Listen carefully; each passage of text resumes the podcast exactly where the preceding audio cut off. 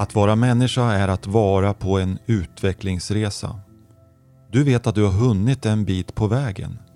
Du vet också att du inte är framme. För en människas potential är väldig, rent av oändlig.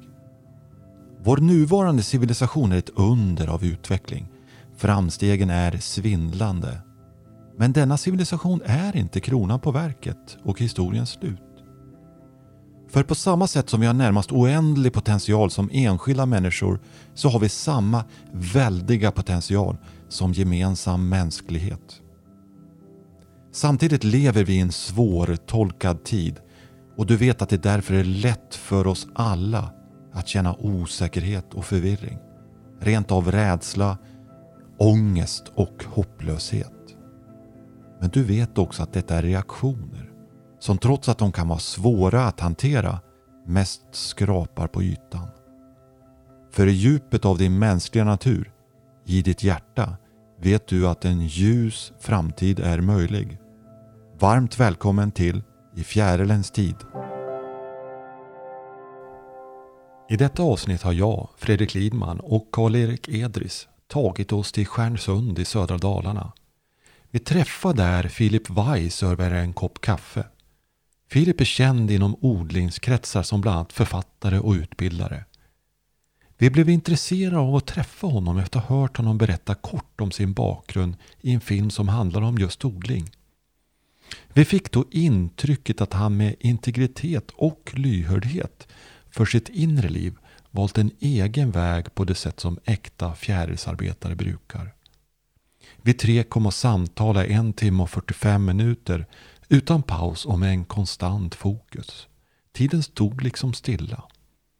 Under den första timmen böljar samtalet mellan diskussioner kring Philips gradvisa upptäckande av sin egen livsväg och hur detta på djupet förändrar perspektivet på framtiden så att undergångsvisionerna bleknar i ljuset av människans inneboende kraft och förmåga. Under den andra halvan av samtalet kom vi mer in på permakultur och andra besläktade odlingsformer som vägar att samstämma människans inre ekologi med naturen.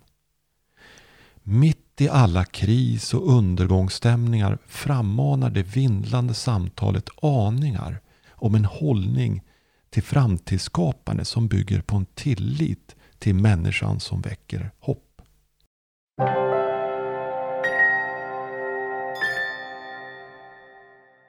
Vägen hit till Stjärnsund för mig. Man måste faktiskt gå ganska långt tillbaka. Eh, och som för så många andra så är det barndomen som har varit väldigt präglande för mig såklart. Jag är uppväxt utanför Frankfurt i Tyskland på landsbygden i en liten by. Och den byn är inbäddat i ett fruktodlarlandskap. Gamla, jättemånga gamla äppellundar och körsbärslundar och kastanjelundar som är i olika grader av igenväxning eh, och så lite öppna marker däremellan. Och det, det är egentligen först i vux, vuxen ålder som jag har insett hur mycket det har präglat mig, alltså rent liksom det fysiska av det landskapet. Eh, att leva i ett fantastiskt ekosystem som idag till stora delar skyddas som naturreservat eller liknande. Men ändå är ätbart till stor del också. För mig var det bara att gå ut och det fanns alltid något att äta. Nästan året om när det inte var snö och is. Så fanns det någonting man kunde hitta och stoppa i munnen som var gott på, på ett eller annat sätt. Nötter, äpplen, ja, kastanjer, hasselnötter, valnötter, eh, päron, kvitten, allt möjligt fanns där. Ma massvis med olika bär. Eh, bladgrön på vintern och så vidare det var liksom första på något sätt stationen där. Och sen, sen, ja, sen gör man väl det man gör. Liksom. Man går i skolan och började plugga i Tyskland. Skulle läsa en termin i Sverige 2003. Och så var det två terminer. Och så åkte jag tillbaka och kände inte för att stanna kvar i Tyskland. Jag trivdes väldigt bra i Uppsala där jag hade läst. Åkte tillbaka eh, och fastnade helt då. Läste till civilingenjör i miljö och vattenteknik. Började på Vattenfall i Stockholm. Bodde kvar i Uppsala och pendlade dagligen. Och det var ju också väldigt en, som en, en till sån här milstolpe. Det är klart att studietiden präglar mig mycket. Men, och alla resor som man gjorde och sånt. Men, men just det här att komma in i den här företagsvärlden. Vattenfall är en jättekoncern med jättemånga anställda, världens största koldioxidavtryck, alla brunkolskraftverk som Vattenfall ägde fortfarande då. Och jag hade en idé om, jag var väldigt miljöintresserad redan som barn också och hade med mig det hela tiden, läste miljö och vattenteknik och läste en massa extra kurser om klimatet och det moderna samhället, hur allting hänger ihop egentligen med energin och oljan och allt det där. Um, och hade med mig någon idé att jag kunde gå in i det företaget som jag ansåg var det på ett sätt det ondaste företaget som, som fanns och förändrade inifrån, att jag skulle gå in i det här systemet och förändra det. Uh, så jag började på en miljöstrategavdelning där, massa fina kollegor och alla var så trevliga på Vattenfall. Bara schysst folk nästan, det kanske var några så ganska högt upp som hade väl kommit upp dit på, på mindre schyssta sätt, än vad ska säga, de som var lite svåra att ha att göra med och väldigt så strategiska och empatilösa också som det ofta är i, i de högsta ledningsskikten. Men alla andra var ju supertrevliga som jag jobbade med. Uh, och så kunde jag, hade svårt att förstå hur kan det här företaget vara så ont när alla ja. människor som jobbar där är så goda egentligen och så trevliga. Är det så här det är i helvetet?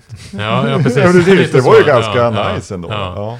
Ja. och så fanns alla de här systemen liksom där att ja, man fick olika titlar och så fick man löneförhöjning ganska snabbt mm. när man var ung som jag var. Och, eh, mycket sådana här trigga igång någon slags beroende där och, och eh, ja, men lite var som ett spel lite grann. Det var väldigt lätt att fastna i den här, i det ekorrhjulet och triggas hela tiden. Om man, om man jobbar lite mer och lite mer timmar och visar lite mer att jag vill någonting, då kommer jag få ännu mer löneförhöjning. Så det gick upp ganska snabbt i den där lönetrappan och fick tre olika titlar på två år och sånt där. Um, och det triggade en ännu mer, men på ett sätt så hade vi vi hade ett hus här i Stjärnsund direkt efter studietiden köpte vi ett sommarställe bara för att få någon slags balans gentemot det här pendla till storstaden-livet.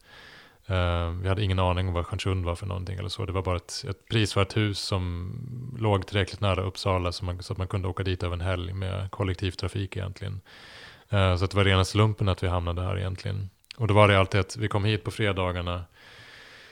Efter lång vecka, väldigt intensiva veckor var det. Jag jobbade som klimatstrateg där delvis titta långt framåt i tiden, super, super intensivt. Och sen var det här naturen, ingen mobiltäckning överhuvudtaget, mm. ingen tv, ingen dator, ingenting. Och så får den kontrasten att se att, men vad är det för galen värld som jag hamnat i egentligen, mm. på ett sätt. Det här, är mm. mycket, här känner jag mig mycket mer jordat, mycket mer levande, mycket mer i harmoni med mig själv när jag var här i, gick runt i skogarna. Och sen på måndag igen till jobbet och bara köra hur hårt som helst, hur många övertimmar som helst, hela tiden. Um, så den kontrasten blev ganska stor på något sätt. Och jag fastnade aldrig riktigt in i, i den här.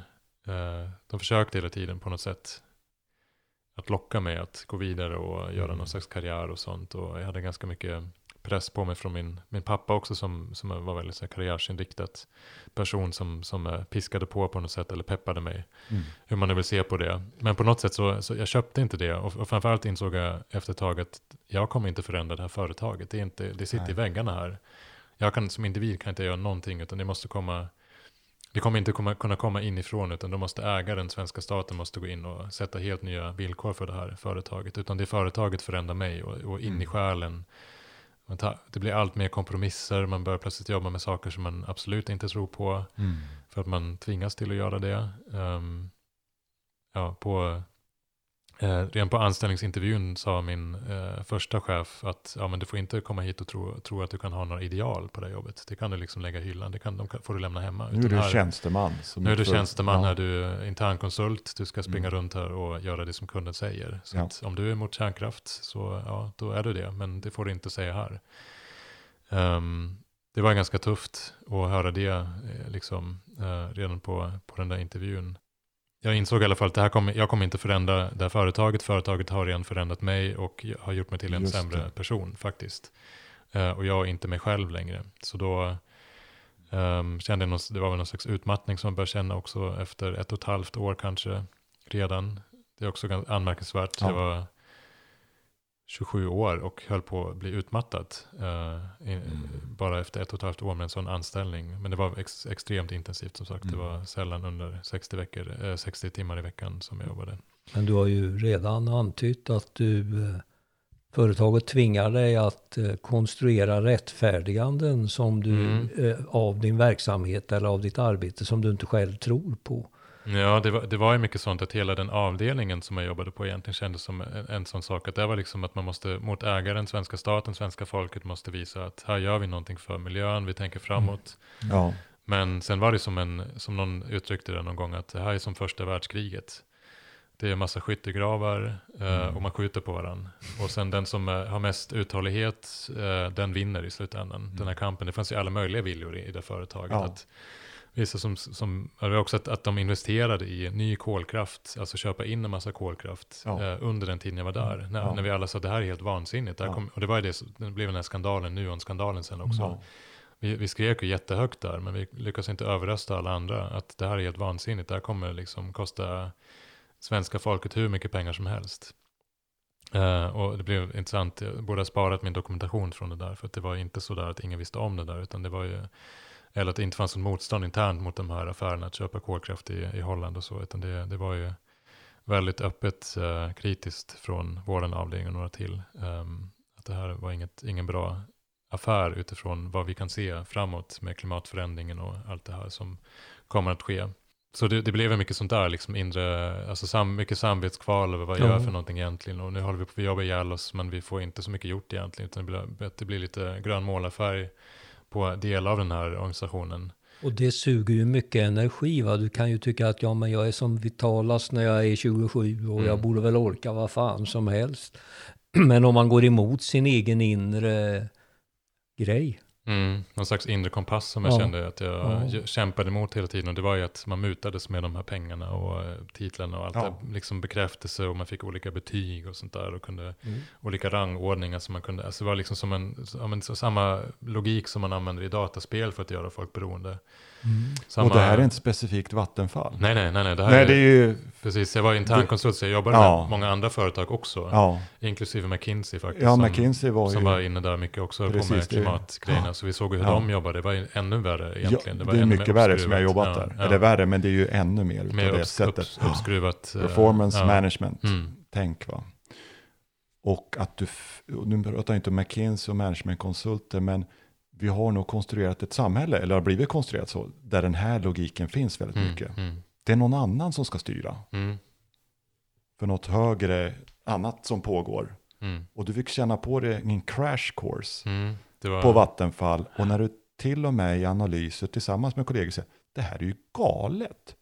Det här är ju, det här är ju affärsmässigt går ju inte ihop heller. nej, det är vad säger. Nej, nej, precis. Och det gick visar sig ju senare då, Mm. i de skandaler som briserade långt senare. Mm.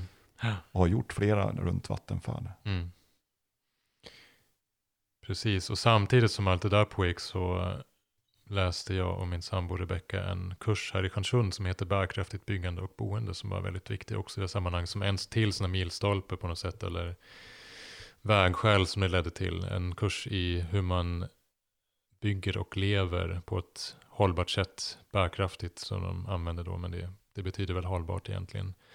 Allt ifrån byggfysik till um, ekobyar och hur man bygger med lera. Um, ja, allting kring, kring boendet egentligen som var extremt värdefullt. Och det var, men det mest värdefulla med den kursen var egentligen att vi tvingades att vara här uh, en torsdag, fredag i månaden hela året. Från att vi var här mest när det var fint väder och vi kände för att komma hit mest på sommaren, lite på hösten och vintern så var vi här även i november, december, januari när, när de kanske inte hade åkt hit i vanliga fall. Och var här mycket längre och så började jag började lära känna mycket folk här som bodde här och började inse att det här är en fantastisk bygd. Mm. Fullt med människor som eh, har både vilja och förmåga att göra Mm. någonting där man tänker lite utanför eh, ramarna, där det finns mycket en, av en vi-känsla. Inte alls den här, eh, alltså det som man kanske hade fördomar om lands, landsbygden i Sverige. Det skulle Mm. kunna vara lite trångsynt och lite bakom flötet eller någonting, utan tvärtom egentligen. Det känns som här, folk hade kommit längre här i sina Ja, tankar än, än vad jag... Provar saker. Ja, men många, Mm. hade ju, många var inflyttade, hade flyttat Ja. hit av Mm. olika skäl. Mm. Naturens skönhet eller för att det fanns eh, någon andlig koppling eller för att Mm. man var självhushållare eller vad, vad det nu är för Mm. någonting. Kon, många konstnärer som, som bor här. Ehm, och då kände vi, vi kände oss mycket mer att vi var del av ett sammanhang här än i Uppsala där vi bodde.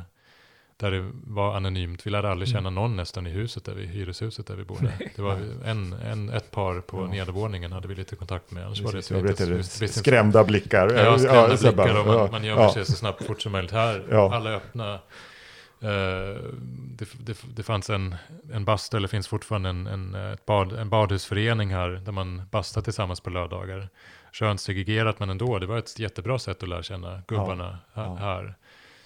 Ehm, och, och det som var lite intressant där, som en, en sån där anekdot som har etsat sig fast också för mig som en del i den här vägen hit till Stjärnsund, att bli permanentboende här var att eh, de satt där och snackade skit om sommargästerna som ockuperar alla hus, det är så många som vill bo i Stjärnsund och så kommer de hit en, en vecka per år bara och Ja. tänk alla fina husen står nästan tomt och sådär och sa ja men jag är också sommargäst. Eh, nej men du är ingen sommargäst. Nej.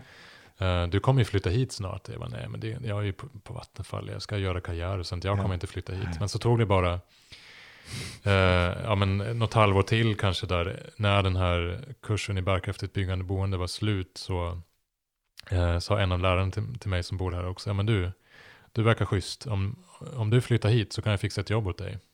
Ah. Och jag bara, ja visst. Så jag, Ja. tog inte på allvar. Han Nej, bara, nej, han bara snackar. Vad då för jobb? Nej, vad då Liksom. för jobb egentligen? Ja. Eh, och han jobbade ju på Högskolan Dalarna då med um, solenergi och med, ja, energifrågor generellt, energisystemfrågor. Och så tänkte jag inte mer på det, men så ringde han någon vecka senare. Ja, men nu har jag fixat ett jobb, när kan Ja. du flytta? Och jag bara, nej men du, du skojar med mig. Nej men jag har fixat ett jobb, du kan, Ja. få, du kan få en doktorandtjänst här. Eh, och det har jag ändå gått och tänkt på i ganska många år, redan under studietiden, att det skulle kunna vara intressant att forska om någonting. Att jag ändå hade lite mer, när vetgirigheten fanns ju kvar, att, att vilja lära mig någonting, fördjupa mig i någonting på ett eh, vetenskapligt sätt.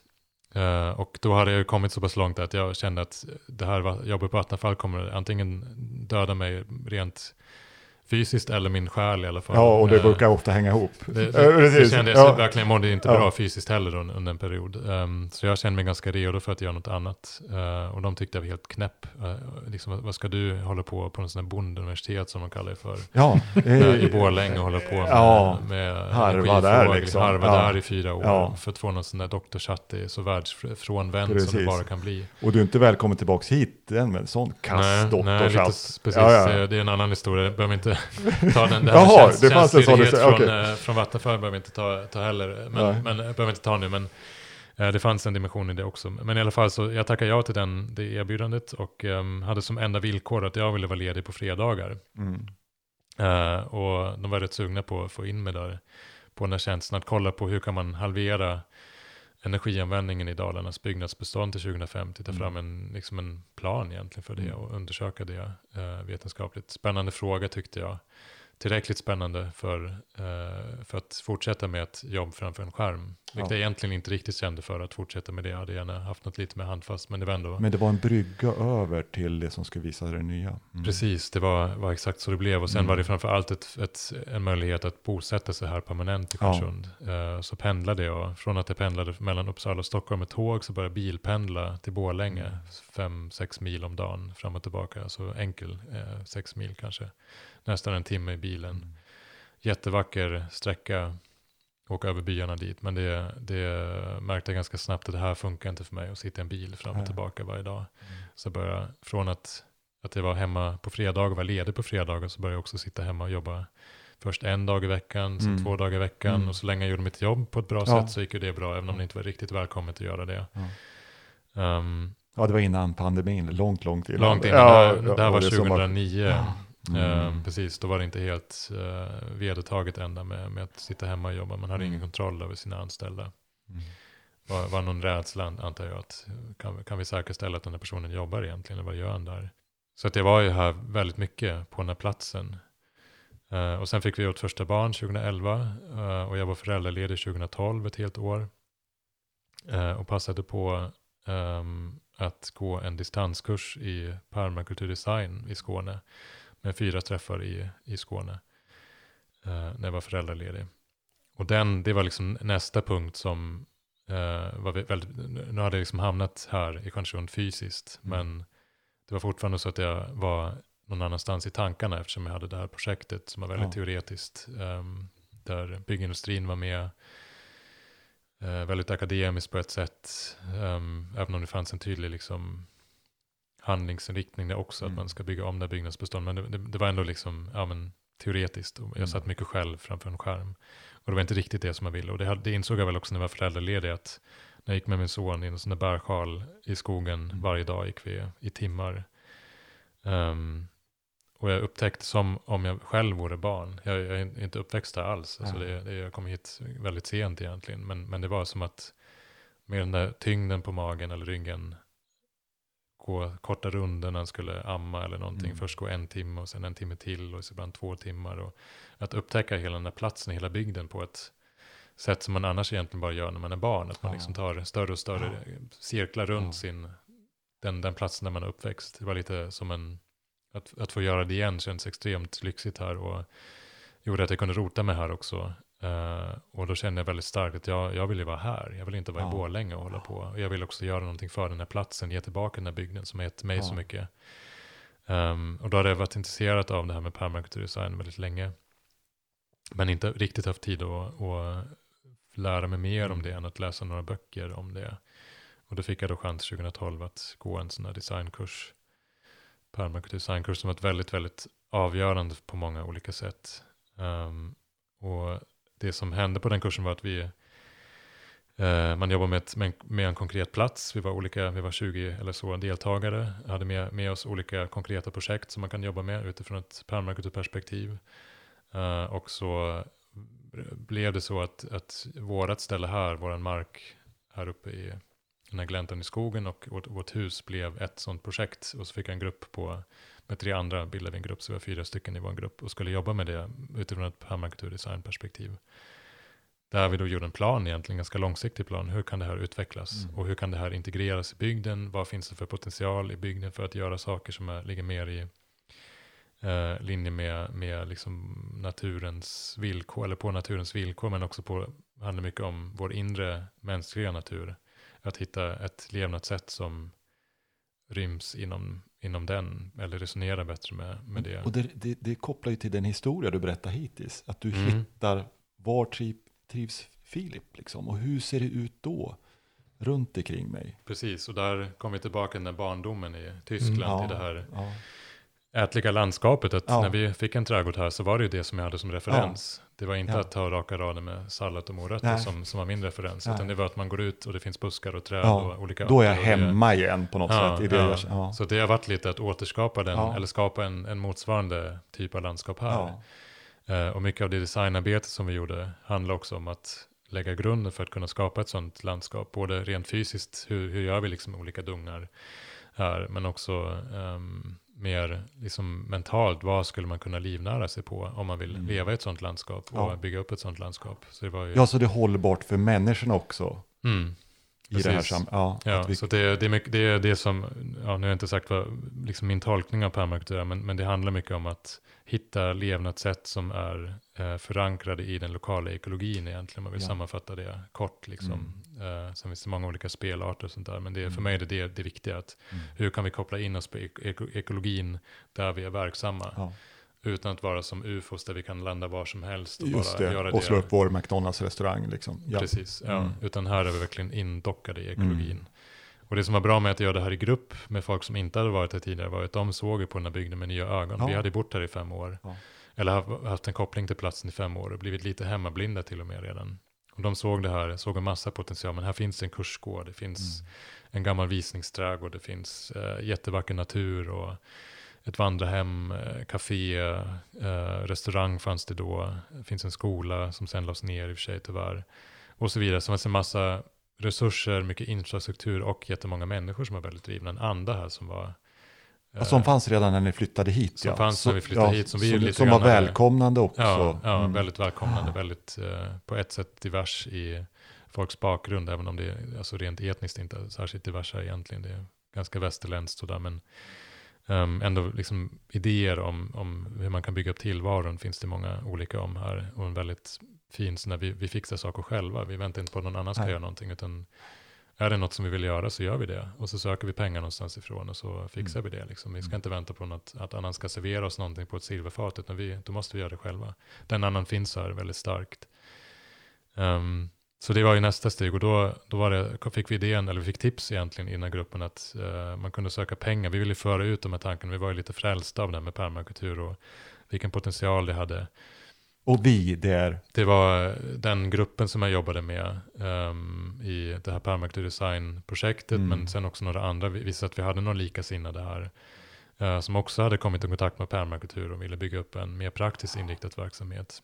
ja just det, det var en grupp där tidigt ja. Mm. som hade en energi tillsammans. Precis, vi, eh, jag tror vi åkte till någon sån här permakulturfestival tillsammans, ett gäng i en bil härifrån. Mm. Och så började vi prata och så var det någon som tipsade oss om man kunde söka EU-pengar och att det snart var slut, det var lika bra att söka nu. Och så sökte vi lite så här på måfå egentligen, att Mm. bygga upp ett, ja, vi tänkte varför inte sikta högt, bygga upp ett lärandecentrum för permakultur Ja. här, där Ja. vi har alla förutsättningar. Det är bara att komma med själva idén, alltså infrastrukturen finns. Och då fick vi pengarna 2012 på hösten fick vi ett ja från Lider, landsbygdsutvecklingsprogrammet och 2013 började vi med verksamheten. Då var vi fyra, fem personer från början.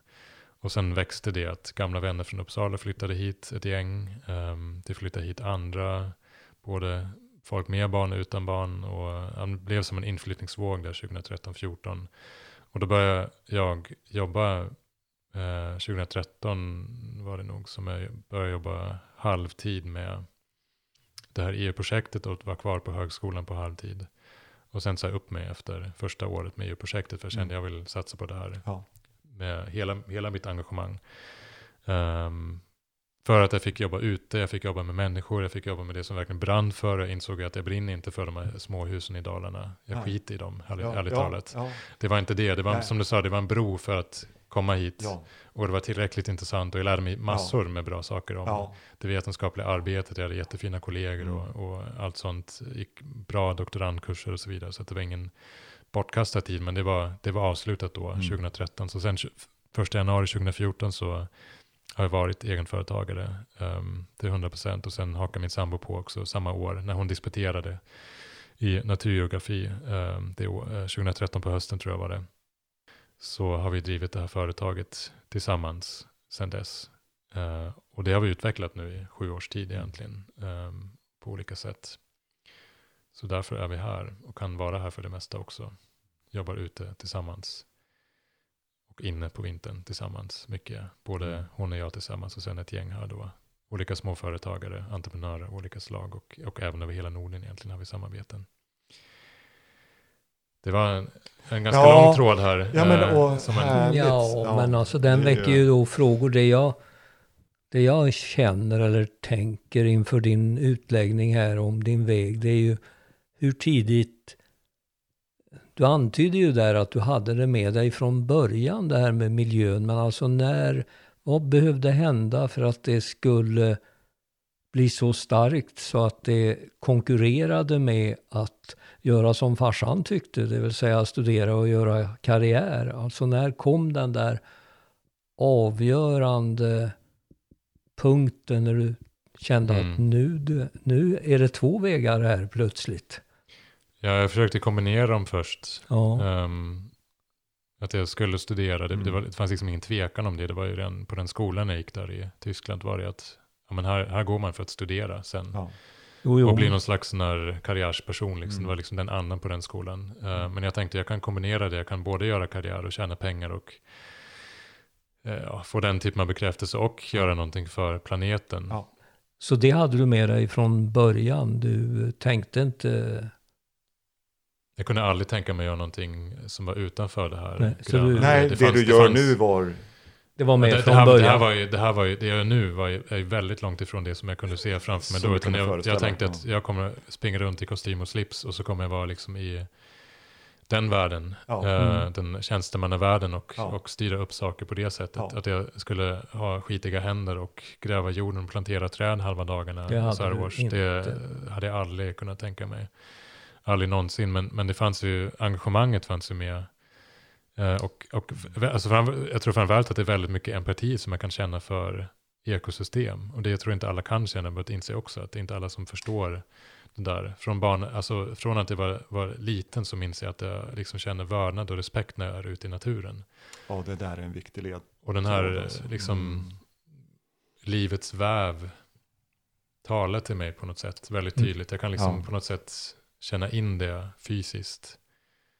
Eh, Där sitter ju nyckeln. Då. Där sitter nyckeln där, också. och det är ja. så starkt att det gick inte att jobba emot det där. Liksom. Nej, det var ju periodvis att det blev lite... Och då pallar du bara ett och ett halvt år på Vattenfall. Mm. Liksom, därför Mm. att Ja. du också känner in i din egen livsväv, tänker jag då. Mm, Så starkt. mm, Att liksom, det, här, det här mår inte bra nu. nej, Jag gör våld på saker. Ja, Mm. det, det gick Ja. för mycket mot min inre natur. Ja. Så att det, Ja, Det fanns men, ju bara en väg egentligen. ja, men Ja. du hade skärpan i intellektet för att Ja, du skulle kunna det, gå ja. den vägen om du hade orkat misshandla dig själv mer än vad du Ja, orkade. men precis. Det var aldrig fel på betygen. Sånt Nej, det var, nej. Jag hade ju lätt för allt det där. Plugga Ja. och tycka om Ja. matte fortfarande. Jag tycker kul. Naturvetenskap generellt liksom var ju... Det är var uppiggande. Det, Ja, det ja. gnistrar i hjärnkontoret. Ja, visst, visst, precis. Det, Ja. Och också de här böckerna som jag skrivit är ju, li- de är ju så här, ja, grundar sig i liksom en ganska akademisk syn på naturen på ett sätt, Mm. men samtidigt som genomsyrat av den här stora kärleken till naturen Ja. också. Den, och den kombinationen jag tror det är som gör att de säljer ganska bra också, att det är, folk ser att det är mer än bara fakta, utan det finns mycket känslor också bakom Ja. det här som vi skriver om. Men det är inte bara känslor heller, utan det finns mycket fakta, och fakta, också. precis. Så det, är den, inte, ja, det, är, det är liksom både Det- och, och det är, mm. det är väl en kombination som verkar inte vara så jättevanlig kanske, om jag förstår det rätt från återkopplingen från läsarna, att de, Mm. de har saknat den typen av böcker som, det är antingen eller ofta, bara känslor, bara fakta och så. mm, Klart det finns, finns många som kan förena både och, men det, är- det är mycket där anekdotiska i trädgårdssammanhang i alla fall, odlingssammanhang. Ja, och jag menar livsresan är ju inte slut. Så nu är du ju vid en viss punkt och du Mm. har ju de resurser med dig som du har. Så vart det hela kommer att ta vägen. Vi sitter ju inte här som spågubbar och tänker att Nej, ja men nej. det här måste ta den och den vägen. Nej, det vet man inte. Nej, Nej, det vet tack och lov inte. så Ja, skönt precis, att inte veta. det- ja. Varför ska man leva livet för då? Liksom? Nej. Jo, men alltså från, liksom- från vårt perspektiv, det här när vi börjar prata om i fjärilens tid och så vidare, det är ju att känna att vilja nå ut till personer som har med sig någonting som har med framtiden att göra.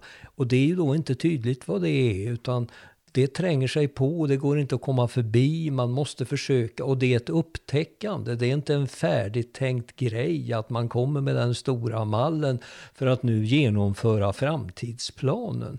Utan det är ju en mycket mera, vi brukar ju prata om att saker vill bli till. Mm. Och då kan man ju säga här fanns en oförverkligad permakulturtänkt eh, odling här i, i Stjärnsund som ropade efter de där människorna Vem som skulle göra det. Och så kom Mm. de dit och samverkade med det som fanns. Alltså att man vänder lite grann på hur framtidsbyggandet ska gå till. Att det inte är ingenjörer som projicerar den senaste rationella planen in i framtiden utan man, att det är ett helt annat samspel med den kommande, med, Mm. det, med det som vill bli till. Mm. Och eh, det förhållningssättet är... Ja, alltså att försöka att få in så att man kan börja förstå det. För då kan man i vilka situationer man än är pejla på vad är möjligt att göra här. Alltså man kan ju mangla på och rulla på enligt hur man har gjort tidigare. Men det är så uppenbart att kraften i det normaltänkande som styr samhället har kommit till vägs ände. Mm. Det måste komma fram någonting nytt. Mm. Mm. Jag- Jag tänker på kopplat till vad du säger Karl-Erik och Stjärnsund.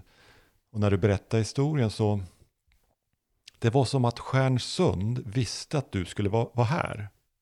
Filip, om vi antar Mm. det. det. Stjärnsund, det finns någon intelligenta som visste det. Och så du själv, ja ni råkar ju hamna här på ett Mm. sätt. Ja, ja, för det, ja, det blev här. Och så kan det vara med tillfälligheter. Eh, och samtidigt så när ni kom hit och började vara här lite mer så var det de som gillade er Mm. här. Mm. För du nämnde ju att ja, men du kommer bo här, säger någon. Utan Mm. att det var världens spådam, tror jag. Det är inte så, Nej, liksom. Utan bara de kände att det är någonting med Filip. Som han säger inte, men det är som att han ska vara här. Mm. Du vet inte om det, ditt medvetna jag vet ju inte om det än. Det kan finnas någonting annat i, di- i ditt jag som vet om det, men du vet inte om det. Eh, Och till och med någon som erbjuder en tjänst och du tror inte på allvar riktigt. Så här. Det är någon som vet att han ska vara här och jag ska tydligen göra det här Mm. för att han ska vara här. Mm. Så det är som att det finns ett stjärnsund, och det kan finnas något större än så som vi inte vet idag, men åtminstone som kallar på dig. Mm. Ja, men det kändes ju lite så. Det var ju att allt föll på plats väldigt Ja. enkelt. Så Det, var, det var väldigt, när när jag väl hade tagit det klivet ur och vågat sig upp med, det var ju verkligen mot ett enormt motstånd vad gäller alltså hela de här förväntningarna som jag hade på mig från, från min pappa framför Ja. allt. Men också från kollegor och liksom allt det här. Det, det var ju extremt smärtsamt och Ja, du skulle ju spilla din intelligens på något oklart. Ja, men det var precis det min pappa sa. Ja. Ja, det var- Slösa ja. bort din, ja men ja, Ja. liksom karriärsvägen, liksom, Ja. all, alla möjligheter. Du är ju bara, för fan smart. Ser Ja. du inte din intjänande förmåga? Skogsmulle uppe i Dalarna, alltså det ja, där är, kan Tänk på inte vara... pensionen. Ja, Pensionen ja, ja, den det är ju, vände, hur, hur ska du fixa det liksom? Ja. ja. Och det beslutet behövde du ta. Mm. För annars hade det här inte kunnat realiseras. Även om det kallade på det kan vi ana. Så. Mm, mm, Ja. Precis, så det var ju... Ja, Ja. det, men när jag väl hade gjort det, som sagt, då, då föll saker på plats. Det var som Ja. att, att allt hade väntat på att jag skulle fatta det Ja. beslutet. Ja.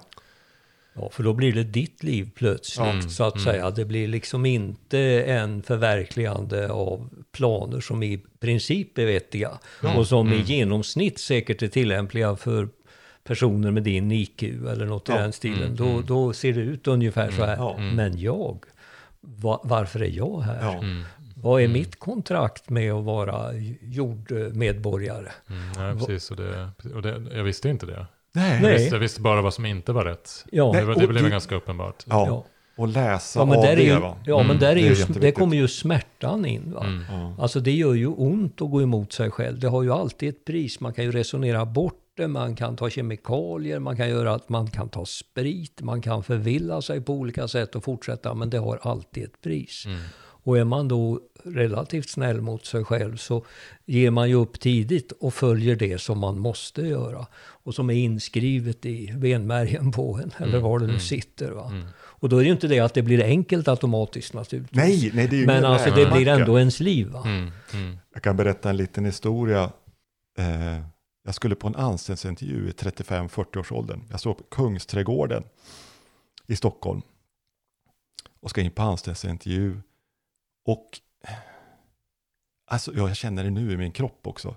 Och jag jag är lite tidig, så jag kanske en halvtimme tidig, så jag går ute på Kungsträdgården och bara tappar energi. Och det bara ligger på negativitet och jag tappar energi och går sen in på den här anställningsintervjun och har ju, jag, jag kan ju ändå få igång energi men märker att jag inte är på. Och jag till och med uttrycker att jag inte kan jobba där på fulltid och sådär. Därför att det var andra saker som behövde komma fram. Jag var ju då redan heltidskonsult liksom. Och det var ett attraktivt jobb på ett sätt. Va? Och det är för mig något liknande när det alla, jag, jag kunde inte förstå det då och jag fick ju inte det jobbet och hade inte velat fullfölja det heller. Men det, det skulle inte vara det jag skulle göra. Så det är också att upptäcka att nej, det, uppenbarligen här är för stort motstånd att jag ska få till det här. Så det var för mig ett exempel. Det kunde ha lett åt ett ställe som, som hade väl varit bra för vem som helst med den bakgrunden, men det var tydligen inte den vägen jag skulle välja. Nej, och det Och det är jag tacksam för, att det Mm. finns någon del av mig som jag tolkar efterhand som guidar mig ibland. Och sen så mitt medvetna jag behöver ju följa det så gott det kan förstå då. Mm. Och det är ju inte lätt. Nej, man kan ju vara förvirrad och... och ja, och man kan få tunga attacker på sig som man för, ja, för husfridens eller familjefridens skull så går man med på någonting som, ja, Ja, eh, man amortera av ett hus Mm. eller vad jag menar, och, Ja, och räntor whatever, och, ja, whatever. och mamma sa eller pappa, Mm. ja, allting. Jo, men alltså om vi tänker då, alltså det, här, för det jag tycker är in- intressant med alla de här historierna så att säga, det är, jag har ju den där känslan av att det, jorden har ju invaderats av vettigt folk som ska jobba för framtiden och att det gäller att så få som möjligt blir insydda i det gamla konceptet. Att man skapar olika tillfällen där man kan hjälpa människor att så fort som möjligt bli medvetna om varför, man, varför vi har kommit hit och vad det är vi ska göra i den här skiftestiden. Det är ju det hela, ja, som vi försöker och famlar efter här när vi håller på med i fjärilens tid också, att hitta det vi kallar då fjärilsarbetare.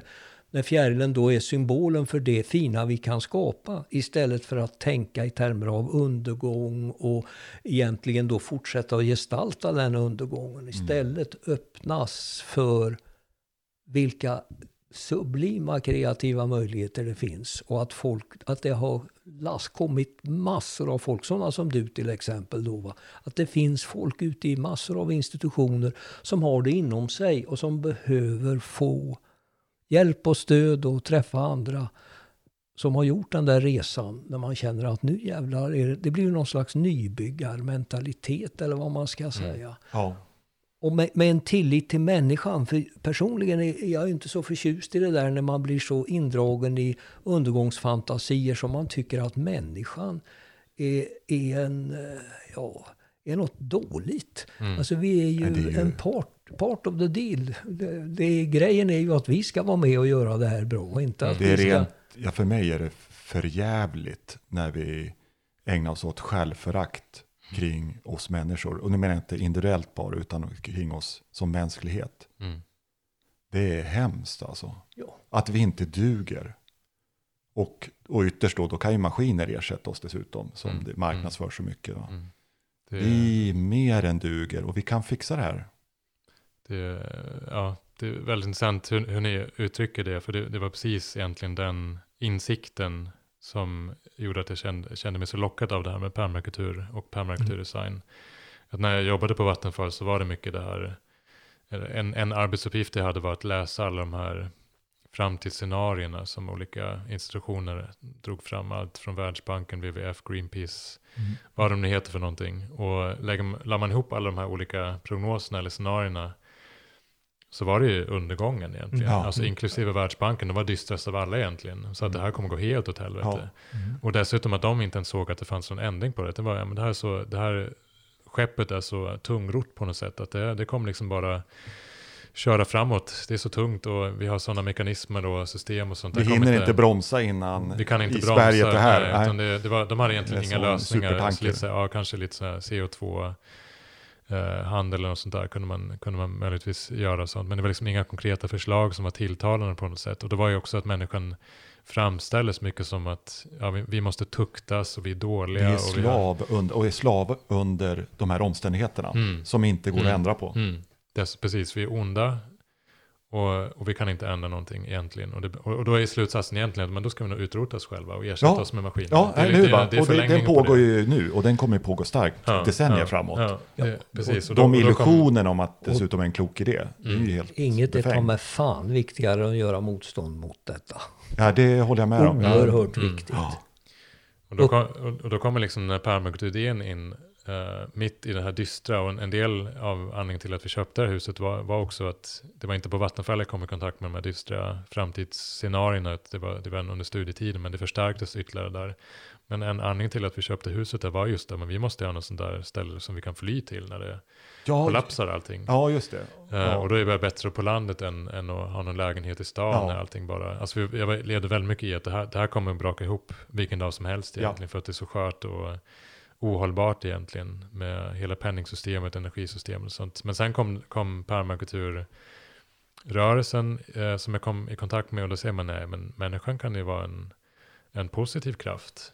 Ja. Det är bara att vi har varit på villovägar ganska länge. Ja, och är det fortfarande, men då, då börjar Ja, man ja. på ett ställe och gör det själv. Ja, och dess, dessutom Och är då det, gör man det man ska göra. Ja, och dessutom är det ju så att vi människor gör ju inte medvetet fel. Utan de här saker som vi har gjort, det har ju uppfattats som bra och steg framåt. Det är bara det att nu håller vi på för länge. Ja. Nu skulle det skifta. Ja, Och vi gör någonting annat som är rätt. ja. Ja, och det där är en, alltså, det är otroligt viktigt. För, med, för det finns ju också diktatur i det här med människan och ondskan. Absolut. alltid- Ni duger, du duger inte som nej, människa. Nej, men det är ju någon som ska styra Det är någon oss annan då. människa som duger. Ja, som ska styra oss. Vi Ja. ska programmeras. Fårskåken ska få oss till att göra det goda. Eller ja, men det där håller ju inte. Utan vi måste vara bemyndiga oss själva. Ja. Och inifrån oss själva göra det. För det är ju timing. Alltså livet är ju... Ibland brukar jag jämföra med hur det är att köra bil. Alltså man kan ju teoretisera om hur kurvorna ser ut längre bort. Men alltså det gäller att ha fokus på just framför här. Man ska, och, och man har lätt att tappa sinnet för proportioner. Man kan ju tycka, gå här och rota ute i marken i Stjärnsund. Vad fan är det när världen håller på att gå under? Men jag menar om alla rotar med rätt grej. Det är en enorm förändringskraft i detta. Jag brukar ju ofta säga det där att ett steg i rätt riktning, om alla åtta, snart åtta miljarderna tar ett steg i rätt riktning. Det är tunga grejer. Istället för att man är slav i ett system där man inte har en chans att ta steg i någon annan riktning än den man får betalt för. Men det finns också en, eh, sorg, du nämner ju de här rapporterna som du läste, många genom åren. Då tänker jag så här, då är det även de som är säga, befälhavare, tjänstemän för de här stora globala organisationerna. Det är ju inte, tror jag, bara att de inte tror, att, jag tror att de tror på det de säger och förutspår. Och det gör ju också som att det är ett skepp utan befälhavare som kan styra det hela. Det är för mig väldigt sorgligt. Mm. Ja, ja. Att så många i, i hög ställning i organisationer runt om i världen känner så i grunden. Mm. Och förlätt sig att tro att så är fallet. För det är ju inte sant, det är ju bara om vi tror att det är Mm. sant. Mm. Precis. Och du har ju visat i egen, än så länge i livet, att ja, men det, jag hittar så småningom en väg, och tillsammans med en grupp då, för jag hör det är ju verkligen en grupp som jobbar, Mm. där vi skapar någonting. Och vi tror på framtiden. Och så är det massor med utmaningar som vi säkert återkommer till här. Men vi, vi, vi kör på liksom, jämfört med att känna, som jag tror många gör, och vissa kanske vågar erkänna, jag tror inte på framtiden när jag väl tittar på den. Nej. Jag bara tittar in i ett mörker. Det är ju en väldigt intressant fråga det här med hur ledande personer för institutioner som arbetar för att det ska fortsätta ungefär som vanligt. Ja. Alltså hur hög cynismkvot Ja, som man mm. försöker har och hur plågsamt det är att förtränga den. Och ja, alltså då kan man ju känna, man skulle ju vara cynismkonverteringskonsult så att man liksom ur den där kraften av uppgivenhet och desperation Ja. skulle kunna få fram kreativa Få fram visioner. livet för även Ja. de som individer som sitter Ja. fast i sådana illusioner om att det inte går att men fixa. alltså det kan vara nära genombrott. Åtminstone så tänker jag så kring kreativitet. Att när man når, mår riktigt jävla dåligt. Om man nu är ett skrivprojekt som har gällt för mig. Och tror att nu är det förstört. Jag kommer inte vidare. Jag fattar ingenting. Jag har tappat greppet. Om jag då springer och flyr då. Eller ger upp. Ja, då får jag ju inte det där genombrottet som gör att jag känner att nu klarar jag 20 sidor till. Nu har jag fattat någonting nytt. Va? Så, det är ju, så det kan finnas genombrott nära där i cynism och elände och misstro. Om man vågar erkänna den, släppa upp den och göra det som vill komma fram bakom där. Så jag tänker man ska ligga på utav bara den. Och det kan vara så att det finns fullt av folk som är ungefär som Filip i huvudet men som sitter på sådana där ställen Det tror jag, absolut. Ja, var något bättre på att Ja. uthärda. Precis. Ja, Ja. och väntar på att få bli berörda av den här känslan att jag kan börja jobba för framtiden istället för att jobba för baktiden eller vad man ska kalla det. Och att den ska fortsätta och kolonisera framtiden. Vi vet ju redan, vi har ju redan skrivit i våra rapporter att då går det åt helvete. Varför ska vi göra det? Den, spik, den spiken ska vi inte slå i. Nej, exakt. Den ska dras ur. Ja, så ehm, det gäller att fortsätta att konspirera i den här riktningen. Ja, Mm. Verkligen att slåss för människan. Jag tänker om vi tar oss till när du väl fullt ut börjar fokusera på Stjärnsund och du sa upp det sista delen av bryggan över från dina idéer om vilket liv du skulle leva till hur du faktiskt i djupet kände att du ska leva. Och den bryggan över bland annat via att du hade en tjänst som, som doktorand Mm. här i Dalarna på högskolan.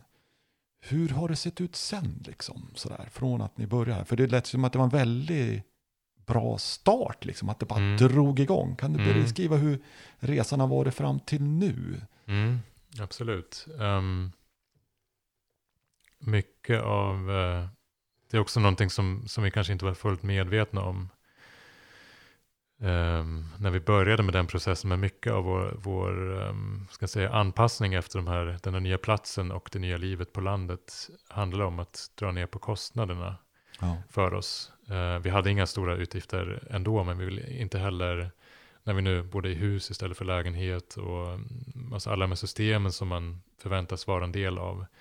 Vi vill inte låsa oss genom höga levnadskostnader, utan tvärtom egentligen frigöra eller skapa i alla fall utrymme för, för annat förverkligande genom att inte behöva så mycket pengar. Så Det är ju handlingsfrihet man får då. ja, Mm. Precis, så vi hade som en, sånt grundkrav, jag och Rebecka, att vi vill inte ta några lån för att hålla på och Mm. renovera eller bygga något eller vad det kan vara för någonting. Utan ehm, det här måste vi kunna betala med våra eh, löpande intäkter. De, alltså renoveringen av huset som var sönderrenoverat på 70-talet, väldigt dåligt isolerat, energimässigt katastrofalt verkligen.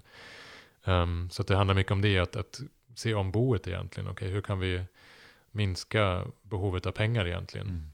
Mm. Um, för att frigöra mentalt utrymme också. Vad ska vi fylla det här sen med? För det, det visste vi inte riktigt. Vi var tvungna att jobba uh, x antal procent för att klara oss ekonomiskt. Och när vi väl hade, det var, det var som en process av nedtrappning som började redan 2007 egentligen när vi började jobba och hade köpt det huset. Att um, vi hade en inkomst men vi började trappa ner behovet av pengar uh, från kanske efter ett halvår efter vi började jobba. Det var ganska kul att ha lite pengar och köpa saker som man har drömt om som student som man inte hade råd med. Men sen blev det ganska snabbt insåg att vi vill inte liksom gå in i den här leken än. Så att, att, höja, alla sa det, men så fort man får en löneförhöjning då ökar man konsumtionsnivån. Men du bidrar ju till tillväxten dessutom. Och det, det är ju perfekt va? Och, ja, ja, för annars så, så går det ju åt helvete. Du får ju ingen pension annars. Just det är ju det. liksom att snacka om. precis, precis. Ja. Så, att, um, så vi tänkte precis tvärtom. Okay, Ja. Varje gång vi får en löneförhöjning då gör vi en investering istället. Ja. Så att vi behöver mindre pengar sen när vi hoppar Ja. av det här. Det fanns ändå mera på något sätt.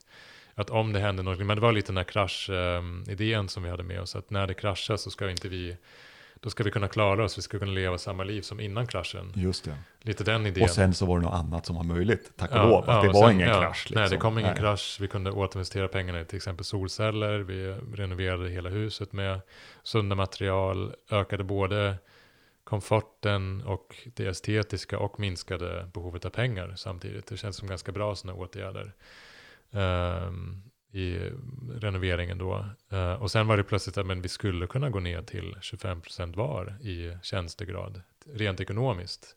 Och det är inte många som kan det, att leva på en... Inte alltså- i storstadsregioner. Absolut inte där. Då behöver Nej. ofta mer än 200 procent. Ja, ja, ja precis. Det, så är det ju. Ja. Eh, Exakt. Och vi, vi hade um, räknat fram någon gång, jag vet inte hur aktuell den siffran är, men att vi behöver ungefär, när vi är liksom i vårt minimiläge, då har vi ändå en bil, vi har ett hus, ehm, då gör vi vår egen ved så att vi klarar uppvärmning själva. Då klarar vi oss på 14 000 kronor per år. Och då har vi ett försäkrat hus, vi har en bil som är försäkrad, vi har bredband, vi har sophämtning. Eh, Det är alltså boendet 14 000 kronor per år. Och det är vad många betalar i månadshyra eller Ja. om det är amorteringar, lån, all- allt det där liksom. Det är inget, inget konstigt att ligga på den nivån eller ännu högre. Eh, och det gör ju enorma handlings, ett enormt handlingsutrymme att bara behöva 14 000 per år för att klara liksom det plus lite mat. Eh, och sen odlar vi mycket av vår egen mat också. Eh, Den här Mm. omställningen du beskriver nu, det tror jag många kommer behöva gå Mm. igenom. mm. Ja, men- Oavsett. ja, och sen ja. är frågan hur man lyckas med den då. Så bara, ja. Ja, det, precis. Vi, vi kände ju att vi vill, vill gå händelserna i förväg. Vi, vi tänkte också att det här måste ju alla på något sätt, vi måste trappa ner som mänsklighet egentligen. Ja. Framförallt vi i industriländerna måste ju trappa ner. Vi måste minska vår konsumtion med, Ja. säg 90 procent, vad, vad det nu är Ja. för någonting. Eh, och då är den ena idén att ja, men vi, vi ersätter um, koldioxid och annat med, med, ja, med vindkraft och solceller och, då kan vi, och elbilar. Och kan vi fortsätta som vi alltid gjort. Men det kommer inte hända tror inte jag i alla fall. Utan Nej. vi kommer tvingas av ekologin. Man förstår ekologin hur den fungerar så tror jag man förstår också att vi kommer att tvingas till att trappa ner. Vare sig vi vill eller inte. Ja. Annars då- är det en skislag som ska komma som inte vi vet om än. Nej, det kan, Nej, ja, det kan göra, Det, men- kan, det kan hända men- också. men det, det- det, ja. tror jag inte blir något bra i och för sig. Nej, det för tror jag då- inte är bra för världen. För då det- kör vi ännu mer skit. Nej, men vi Då är det mars som gäller liksom. Ja, ja, Ja, det- men det- vi diskuterade ju det på vägen hit. Att Ja. vi fantiserar om att först när vi har det här ekologiska medvetandet skulle vi kunna tåla mera eh, energi så att säga med kraft. Mm, För mm. att eh, om vi är i det här girighetsspacet då blir det ju... Nej, vi klarar inte av att hantera det. Nej, vi kan gör ju inte det vi, idag. Vi kan, vi kan inte hantera all el och all, alla fossila bränslen vi har. Och då ska vi inte ha det egentligen. Då Nej. ska vi Nej. minska på det. Ja. Och som sagt, jag tror att ekologin kommer tvinga oss till det, att, att minska ner på det. Eh, och i min familj så kände jag att vi vill göra det nu, så att vi I har, har det avklarat. ja. För då, Ja. vet, vi- då kan vi just, finjustera det här. Om det är också en ordnad reträtt från det möjliga livet ni skulle kunna, nu kan ni, ni kunnat Mm. göra ordnat och medvetet tillsammans. såklart. Ja, med, med värdigheten i behåll. Ja, också. Det, ja. det var mycket det vi, vi pratade om, någon slags dignitet i det hela. Så Ja. antingen tvingas vi till det här allihopa tillsammans samtidigt och så blir det jättemycket konflikt och friktion och ja, men det med diktaturer som kan växa fram Mm. utifrån en rädsla att nu plötsligt så kan in, har liksom jorden har tappat sin bärförmåga. Den kan inte bära Mm. upp vårt samhälle längre. Det kommer komma förr eller senare. Och det, det ser man redan, det, det har, håller på att hända redan nu med klimatförändringen såklart. Men, men det är att vi blir inte så medvetna om det än. Uh, en majoritet, eller jag tror omedvetet finns det där, att folk inser att det händer saker som gör att den livsstilen måste, måste ändras. Men det har inte blivit så pass konkret att vi faktiskt tvingas till materiella nedskärningar i, i våra liv här i västvärlden uh, i någon större omfattning. Um, ja, vad var jag skulle komma till? Ja, då kan jag ta en annan sak Ja, som jag kommer att tänka precis. på. Jag såg i helgen, var första gången jag var på bio på ett år. Det vet vi alla varför man inte varit på bio, men nu är det Mm. åtta som släpps in till filmen Nomadland. Just det. Jag bara kom att tänka på det när vi pratade. För det är ju en film om en, om en, den finns ju redan nu, att i många i USA och på andra ställen och kanske, man, man har inte ett eget hus, ett eget, eget boende, utan man får försöka hanka sig fram med olika jobb om man kan ha det. Och bo i någon, någon husbil eller något liknande. Och det är ju det, det, och där beskrivs ett liv som till viss del är värdigt, en fantastisk film, film men också ovärdigt. Mm. Där man inte har, det är inte, det är inte ett värdigt liv alla kan leva i det. Nej. Och speciellt om man bara utav krafter bortom en själv bara tvingas ut i det. För det finns inte de resurserna, för det är det du beskriver, mm. det finns inte de resurserna att konsumera på det sättet som är ohållbart längre ändå. Så att man, och man marginaliseras Mm. Mm. i samhället. Mm. Precis, Jo. det var, det, med, det var det med värdighet som jag skulle Ja, komma till. Jo, egentligen. men Ja. alltså det är ju för att det gamla systemet råder ju fortfarande och det kan inte husera alla. Nej. Alltså det trycker Trycker ju ut, olika va? personer mot Ja. marginaler som Mm. får så att säga leva i den nya världen. Eller de får kollapsen så att säga personligen. Ja, i, i lite förskott ja, på Ja, vis. ja. ja. Och så småningom äter det sig mot systemets hjärta. Mm. Ja, Men det är ju som, jag hör ju till den generation, jag är ju uppväxt på en liten bondgård. Och eh, farsan var ju den sista generationen som kunde försörja sig på en liten bondgård med vanligt, inte permakulturtänkande, utan det var ju hela tiden push med konstgödsling och nya maskiner och hela det där systemet var ju på väg in som gör att nu äger snart bara en person all jord och så vidare.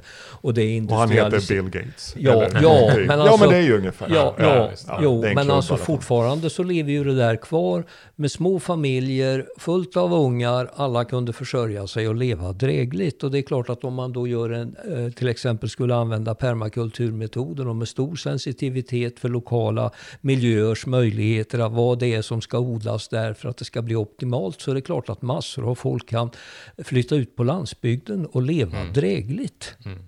Det, och, och konfigurera mera storfamiljs och bysamhällen som gör att man kan ha det mesta så att levnadsstandarden inte alls ska kunna behöva, eh, vad ska man säga, sjunka så mycket. För vi är ju också inriktade på att vi måste äga saker för att disponera det. Mm. Mm. Fast vi ska då äga saker som vi använder sällan. Men alltså om man kan bli mer, eh, fungera på ett mer moget sätt mellanmänskligt så skulle man ju kunna ha saker tillsammans Mm. och bruka dem när man behöver dem. Och eh, därför kunna bevara en ganska hög eh, levnadsstandard ändå, tror jag. Mm. Absolut. Och, och då behövs det ju folk som är pionjärer för att sen ta emot och lotsa en process när man flyr från eller lämnar städerna Mm, för att mm. man inte kan underhålla de där eh, överdyra, te- överteknologiska systemen. Mm. Men jag tänkte, det blev ju eh, vad du och din sambo tänkte och kände att ja, men det här kommer, som jag tolkar bli en sån kris. Så att låt oss kunna göra, inte självförsörjande, men kunna klara oss med låga omkostnader. Mm. Eh, men det blev ju inte den krisen än i Nej. samhället. Nej. Eh, och jag, för jag själv har gjort liknande, när, när vi väl gick in i, vänta hur står det till i världen egentligen? Så, men vänta, det här står ju inte till bra alls. och jag kunde inte riktigt ta mig runt det heller, utan det står inte till bra, jag ville veta mer. Eh, och då, så, då, då gjorde jag, jag gjorde helt andra, jag var ju på ett annat ställe än vad du var, så men bland annat, nej men jag kan ju inte vara inne på aktiemarknaden längre, därför att det här känns ju hur instabilt som helst. Mm, Och det tänkte jag mm. redan för tio år sedan. Mm. Men det var ju på tok för tidigt att tänka Mm, det. Och, och, och medan vi pratar här så, så rusar ju ar- aktiemarknaden också uppåt. Va? Och, Ja. och huspriser har stigit i Storstockholm med 25% ett år och sådana Mm. galenskaper. Då. Så ibland kan man vara tidig, men, men det ledde mig till att välja en väg utav förståelse. Mm. Även om jag låg tidigt i det där. Och det kom inte den krisen i samhället under de här tio åren. Men sen har ni upptäckt någonting annat, Mm. du och din sambo. Det, det är inte krisen vi möter, det är inte därför vi gjorde det heller. Nej, Hör alltså, jag. Precis, Nej. ja men exakt. Det, Ja. det är bra att vi går tillbaka till frågan, vad liksom, hur såg resan ut sen? Det, alltså resan inleddes då med att vi bantade ner helt enkelt. Ja. Och samtidigt byggde upp något annat som, som eh, ja, men, mer självständighet helt enkelt. Att vi lärde oss Mm. olika hantverk och lärde oss att odla skapligt i alla fall och så vidare. Eh, Men sen insåg vi ganska snabbt, men det här är ju livet. Ja, Det här, Det det här är inget svar. Alltså den, här, den här krisen, den har ju, visst den, den finns ju där. Ja. eh, Och den är på väg och vi är mitt inne i den. Men det, det spelar ingen roll. Det här är ändå rätt. underbart. utifrån våra perspektiv. Alltså, oavsett vad som händer så känner vi att det här är rätt för oss. Även om, alltså, även om det blir någon slags um, högteknologiskt samhälle där mas- maskiner gör alla jobb och vi hittar nya energier, då vill vi ändå leva så här. Ja, För att det är mer i enlighet med vår mänskliga ekologi och den ekologin som vi är en del av här. Både lokalt och globalt. Uh, och det är klart det är inte perfekt det vi gör. Det finns eh, massa kompromisser vi gör med framförallt när, att vi ändå har utgifter. Man kan inte komma ifrån utgifter. Vi har ett företag som måste fungera i den här ekonomin som vi har fortfarande i det systemet. Som kräver en hel del kompromisser med ja, liksom rent ekonomiskt och material som vi använder i våra, våra ehm, larvens logik i, om vi pratar civilisationer, Mm, mm. det pågår ju för fullt. Och Den pågår ja, fortfarande, så ja. den behöver man förhålla sig till. Ja, och vi kan inte koppla oss helt ifrån Nej, det är en samhället. annan planet man det, bör vara på då. Ja, och Ja. Det, det går inte riktigt. Det är inte, vi vill ändå känna oss delaktiga i det här och Ja. hellre vara inspiratörer i den här omställningen till, till något annat som är mer då i linje med ehm, ekologin. Kan du berätta lite? Du sa, Mm. för ni båda känner ju då, ja men det, det här drev oss hit, men nu känner jag att det här är ju rätt. Det här är livet för Mm, oss. mm, Och du sa människans ekologi, visst sa det? mm, Kan du, vad är människans ekologi som du ser det? Och, mm. och, Ehm, det är någonting som jag kom i kontakt med genom mitt intresse för de här ätliga landskapen egentligen och fleråriga grödor som, som, är, det som är mitt stora intresse som jag skrivit den här boken Skogsträdgården om också. Det är ju egentligen liksom en, ett uppslagsverk för hur vi, hur vi kan skapa ätbara ekosystem och vilka arter som finns som funkar i Norden. Eh, om man sam, ska sammanfatta det kort. Men det som jag upptäckte då var ju det här med vad är jordbruk för någonting egentligen. Alltså jag har alltid, om vi ska prata om sådana motstånd och saker som känns som går mot ens egen natur, som vi var inne på tidigare också, så var det här att hålla på att skapa öppen jord och så in frön av ettåriga grödor som morötter och sallad och rödbete och sånt. Det har funnits ett motstånd där, hålla på att rensa ogräs. ja, Alltså du har bara känt att det här är fel. Jag inte fortfarande förstått. känner jag att ja. vi, vi, odlar sånt också. Ja. Och vissa grödor går bra, andra går mindre bra. Men det, det är liksom varje år på våren så här när vårbruket stundar så är det, finns det ett inre motstånd här. Att det här känns inte helt rätt. Eh, Du blundar till och med när du säger det nu, för Nej, du precis. är inne i dig själv och känner på det där. Ja. eh, precis, jag ser den här eh, dåligt rensade bädden framför mig där vi skulle sätta någonting, vad det nu var, eh, rödbetor eller någonting nu. Eh, och jag älskar rödbetor, jättegott. Mm. Men det, det är inte så lätt att odla dem faktiskt. Och det, det är att, att odla mot naturen. Naturen skapar inte, naturen skapar skog. Ja, den Ja, fläker ju det- inte upp sig själv. Nej, och den, den öppen jord, är vildsvin som kan skapa det Ja, periodvis ja. på några fläckar och så. Men, men det, det är väldigt sällan det skapas öppen jord. Utan det som skapas när, när människan drar sig tillbaka, det är skog på olika sätt. Eh, och vi människor har sen fått få- för oss för 10 000 år sedan att vi, vi ska fläka upp jorden och Mm. så in frön som är ettåriga, som också finns i naturen, men det är en väldigt, väldigt liten del av Ah. det som växer i naturen är sånt som går i frö varje år och, och börjar om från nytt. Utan de allra flesta växterna är sådana som kommer tillbaka år efter Mm. år, som har permanenta rotsystem. Mm. Eh, vissa är träd och buskar som dessutom har permanenta delar ovan jord, andra är örter som kommer tillbaka från en rot. Ehm, och då börjar jag ställa mig frågan, men vad gjorde vi för, alltså före den tiden, innan Ja. 10, för 10 000 år sedan? Ja. Eh, och man pratar om liksom den här eh, revolutionen, att, att vi, neolitiska revolutionen, Mm. att vi börjar komma på det här fantastiska, att, att vi kan eh, egentligen våldta naturen, eh, våldföras på den och bränna bort allt det här naturliga. Och sen på med olja och därmed kemikalier. Och det är ju perfekt. det är Då nästa- våldtar vi ännu mer Det är effektivt. ju det som Ja, har varit liksom men leder till ett vill- väldigt välstånd, men hur tillfälligt är det? Precis, Ja. och det är väldigt mycket kalorier som vi kan få ut i naturen. Ja. Men det, vi har ju, det har ju blivit klimatförändringar, det har blivit en massutrotning som vi inte har skådat på Mm. miljontals år.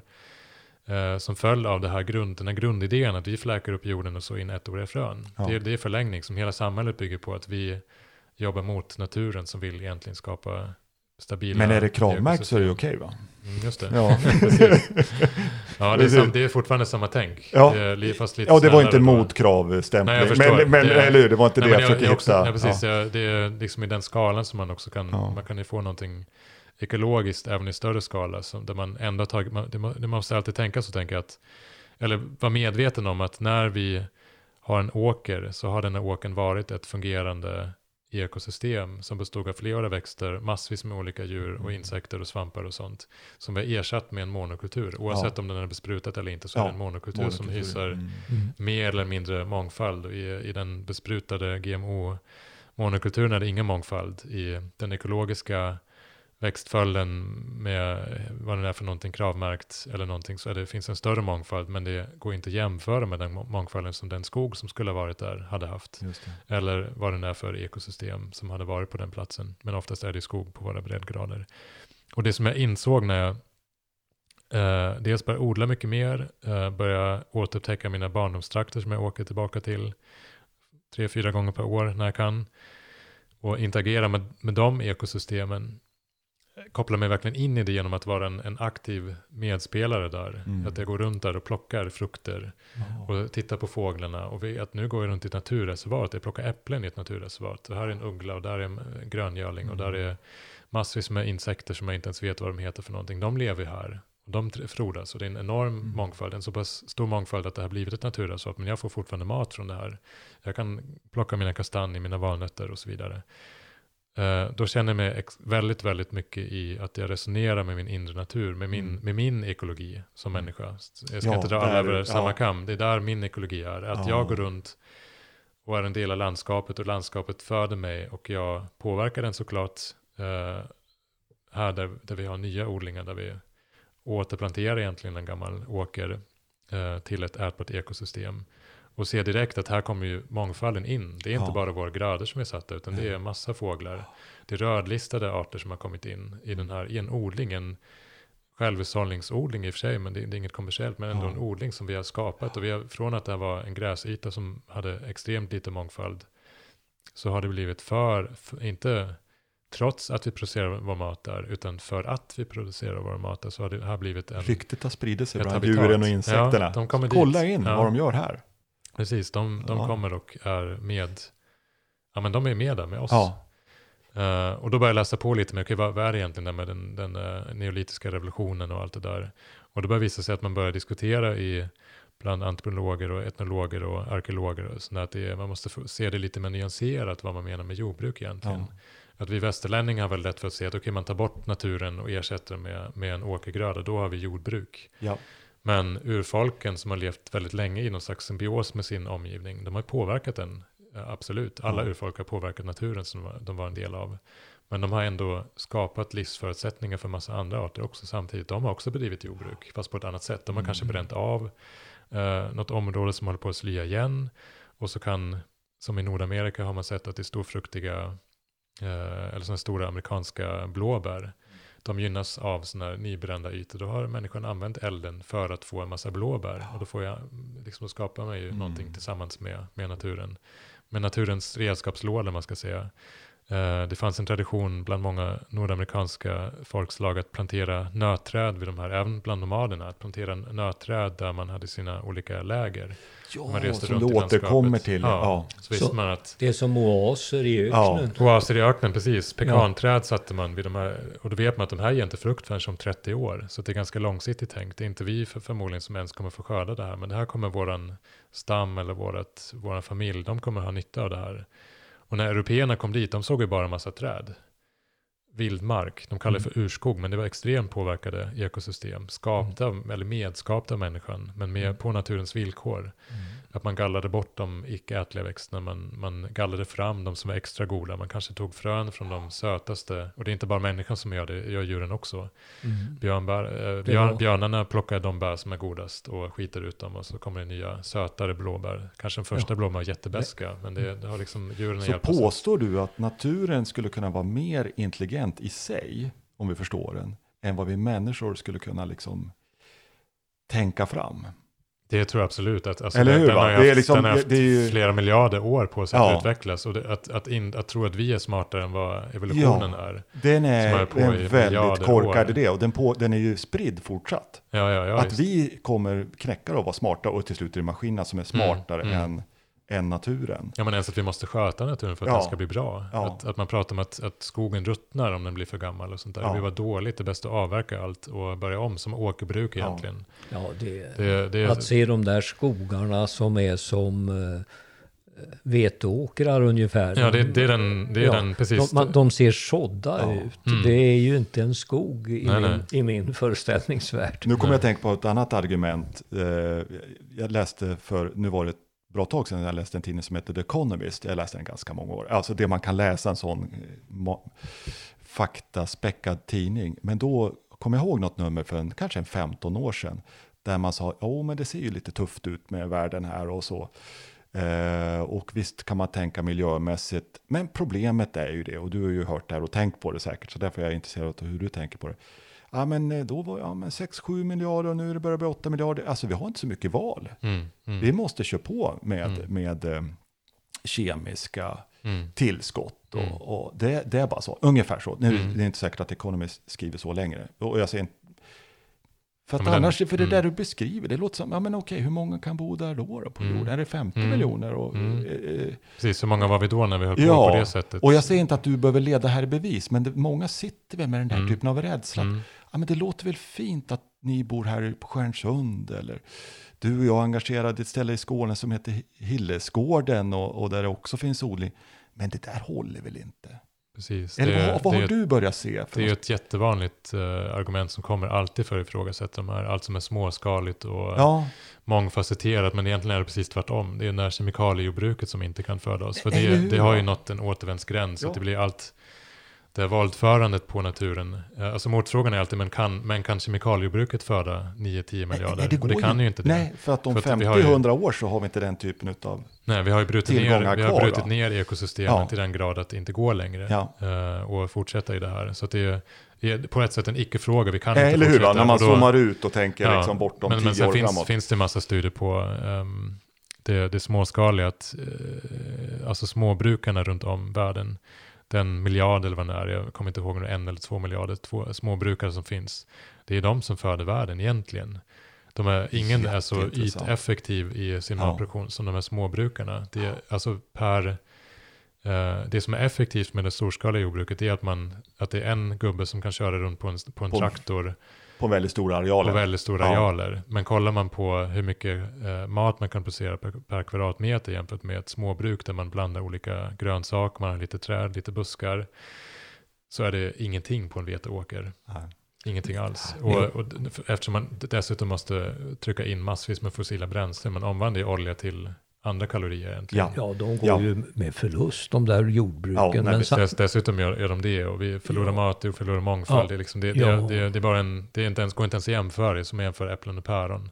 Och, den, och det, det som jag driver mycket liksom till, till vardags, här vad gäller, apropå min resa och sånt, vad det har lett med, det är att jag tror inte vi kan bli jägare och samlare, om man nu vill kalla dem för det. Nej. De var ju jordpåverkare, kanske inte att de brukar eller missbrukar jorden, utan de, de var ju med och formade ekosystemen. Det kan vi inte eh, gö- göra igen, så att säga, eller gå tillbaka till något som vi hade för 15 000 år sedan. Eh, vi måste gå framåt. Det liksom, finns inget annat håll att gå, gå till. Eh, men genom, genom den eh, växtförädling som vi har ägnat oss åt, den enorma kunskapen som vi ändå har om ekologin, så Ja. kan vi skapa, på, på, ta, ta med oss den idén i alla fall, om att vi kan leva på ett annat sätt, i mer i samklang med ekologin. Plocka med oss den idén som fanns före jordbruket och har, finns ju än, än idag egentligen, folk som lever på ett, på ett annat sätt än det här klassiska industriella med, med åkergrödor som, som livnär oss. Ta med oss de idéerna till framtiden och där är det ju många, många, många småbrukare som blandar grönsaker, olika ettåriga grödor som är eh, effektiva på olika sätt eh, med fleråriga grödor. Och, det, och det, det, för mig blir det väldigt, väldigt tydligt när jag besökte Vitryssland för tre år sedan. Mm. Ytterligare en sån där punkt som är viktig för mig. Um, och jag åkte dit för att eh, köpa valnötter, Ja. kö, köpa utsäde. eh, till härdiga valnötter. Valnötter växer inte här i vanliga fall. Det, det var en grej som vi hörde direkt. Här kan du inte odla valnötter. Men så finns det en man uppe i Sundsvallstrakten som, som får skörd av valnöt varje år. Och han hade fått sina träd från Vitryssland och spritt ut dem i, Han längs med att Norrlandskusten. går. Bevisat Ja. att det går. Ja. Eh, och det är ett slutet land, det är en diktatur, det går inte att skicka saker därifrån. Så vi kände att vi måste åka dit. Jag och några kompisar åkte dit med en bil genom Litauen in till Vitryssland och besökte de här eh, valnötsodlarna där och köpte med oss utsäde. Och då besökte vi deras gårdar eh, som är väldigt små, inte ens en hektar, en halv Mm. hektar ungefär var de i genomsnitt de här platserna vi eh, besökte. Där de odlar 80% fleråriga grödor, alltså valnötter, aprikoser, eh, olika bärbuskar ehm, och så vidare som en slags basföda. Eh, och sen hade de insprängt tomatodlingar och det, lite, lite spannmål, små, små, smala rader, potatis, kål och sånt där, som en blandning. Eh, väldigt uppblandat, väldigt så här, utifrån hur man tänker sig att ett permakulturellt uppbyggt system skulle se ut. De hade aldrig ja, de har inte hört men begreppet, det- men de är det. Ja, Ja. De, de, de lever det. Ja. Och sen hade de anker och Och det är traderat bakåt också. Ja, Ja. långt bakåt, ja. Precis. Och, och en, en stor glädje i det också. Ja. Vi frågar dem varför odlar ni 60 olika sorters vindruvor? Vad är poängen med det? Det- Att det ens finns så många, Ja. det var ju förvånande. De hade Ja. sex, 600 på det här fruktodlarinstitutet. som Har ni inte listat ut vilken som är effektivast? Ja, eller bäst. men- vad, ja, har, ni, bäst har ni någon liksom, favorit? ja. Men nej, men alla är varför inte om vi kan? Ja, Varför ska vi inte odla 60 olika sorters vindruvor och Därför är det 100 olika sorters och tomater? Det är vackert och det är, ja. ja, men I den här diktaturen, otroligt fattiga människor, så går de runt och ler och är glada. och helt fria i det. Helt fria det där, helt, nästan helt självförsörjande på, Mm. på, på det de äter. Och så har de olika fågel, fåglar som sprang runt under de här träden och pickade i sig saker. Och så fick de lite matrester och sånt. Och så hade de också ägg och kött från dem. På 5, 6, 7 tusen kvadratmeter. Det var en ögonöppnare för mig att det var så otroligt effektivt. Ja, så wow. otroligt vackert. Och det var ett Ja. ekosystem. Det var inte en odling liksom den meningen att det var industriellt. Vilket också finns mycket i Vitryssland. Enorma arealer de, de eh, odlar på. Men, men det är och det, det finns också studier på det från Ryssland, att, att de här datorerna, det är det som förser folk med mat egentligen. Det är det som är Ja, viktigast. och det har ju de vetat utav bitter erfarenhet. Oh ja, oh ja. Den svält som har funnits. De är mycket av de här Mm. monokulturerna levererar väl också eh, foder för grisar och Mm, annat som mm. man sen ska... ja det, mesta är ju, det mesta i Sverige och Ja. går ju till djuren egentligen. Ja. Som, sen, som får leva eländiga liv inne i stall och sånt där. Och så får Ja. de en föda som inte ens är gjord för dem. De äter inte frön i, i den utsträckningen, utan de ska äta gräs egentligen. Mm. Jag gillade också bara historien utav vad som är lätt att betrakta som Europas bakgård. Mm. Och dessutom en diktatur. Så där ser du framtiden. Mm. Alltså inte bara, men liksom, wow, de gör det redan Mm, nu. Mm, mm. Samma i Litauen och Lettland och Estland. Mm. Och, det, och där är fortfarande också förankrat i kulturen. Man ser att även de unga ser ett värde i det. Alltså, vi är ju, alltså vi är ju jättelångt ifrån det. Det börjar hända mycket. Nu vet jag inte om jag är i min bubbla bara och ser att, att alla verkar jätteintresserade här. Men, men jag får Ja, en känsla i alla fall ja. att det är väldigt många som söker sig till den typen av tillvaro där man odlar mer sin mat. Inte minst på grund av pandemin här. Ja. Folk vill odla mer i sin trädgård och det, det ska inte bara vara ettåriga krångliga grödor utan folk köper träd och buskar så in i helvete av oss Ja. för att ja, det, det går att göra Ja. det. Och vi, har, vi, har, ja, vi, vi, kan, vi kan egentligen ta hem de här jägar-samlar-idéerna till våra hemträdgårdar genom Ja. att använda de här fleråriga kulturväxterna som vi har. Storfruktig hassel och valnöt och Mm. alla bärbuskar. Det går att göra det och det resonerar med vår mänskliga ekologi för att det är det vi har gjort egentligen. 290 000 av de här 300 000 år så har vi varit sådana som gått runt och plockat bär och nötter och frön och plockat blad eh, ut i naturen. I en natur som vi har påverkat men inte förstört. Och i grunden så finns det tillräckligt många exempel där ute, om man väljer att se det, som tyder på att på med rätt inställning till vad det innebär att vara människa och naturen och kunna se saker och det traderas ibland i generationer, va? så kan vi faktiskt, som det pekar på, för att eh, oljan inte tar slut, men den kommer ändå inte finnas lika mycket Nej. där, som gör att vi faktiskt kan försörja bra många Mm. på jorden, kanske Mm. minst de här 8-9 miljarderna Mm. eller vad vi nu blir. Egentligen. Egentligen skulle Egentligen kunna göra det. Ja. Men det är en omställning som är mer eller mindre stor.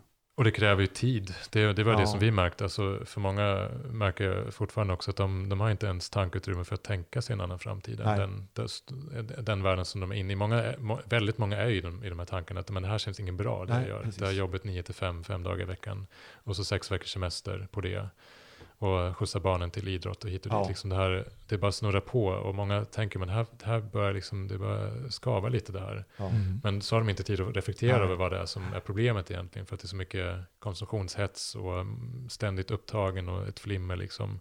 Men de som tar sig den tiden, de hittar ganska snabbt ur, ur det här också, börjar märka nu att allt fler går ner i arbetstid och de börjar anlägga trädgårdar hemma och många har suttit hemma i hemkontoret och behöver Ja. inte pendla. Plötsligt är det två timmar mindre per dag som man är hemifrån.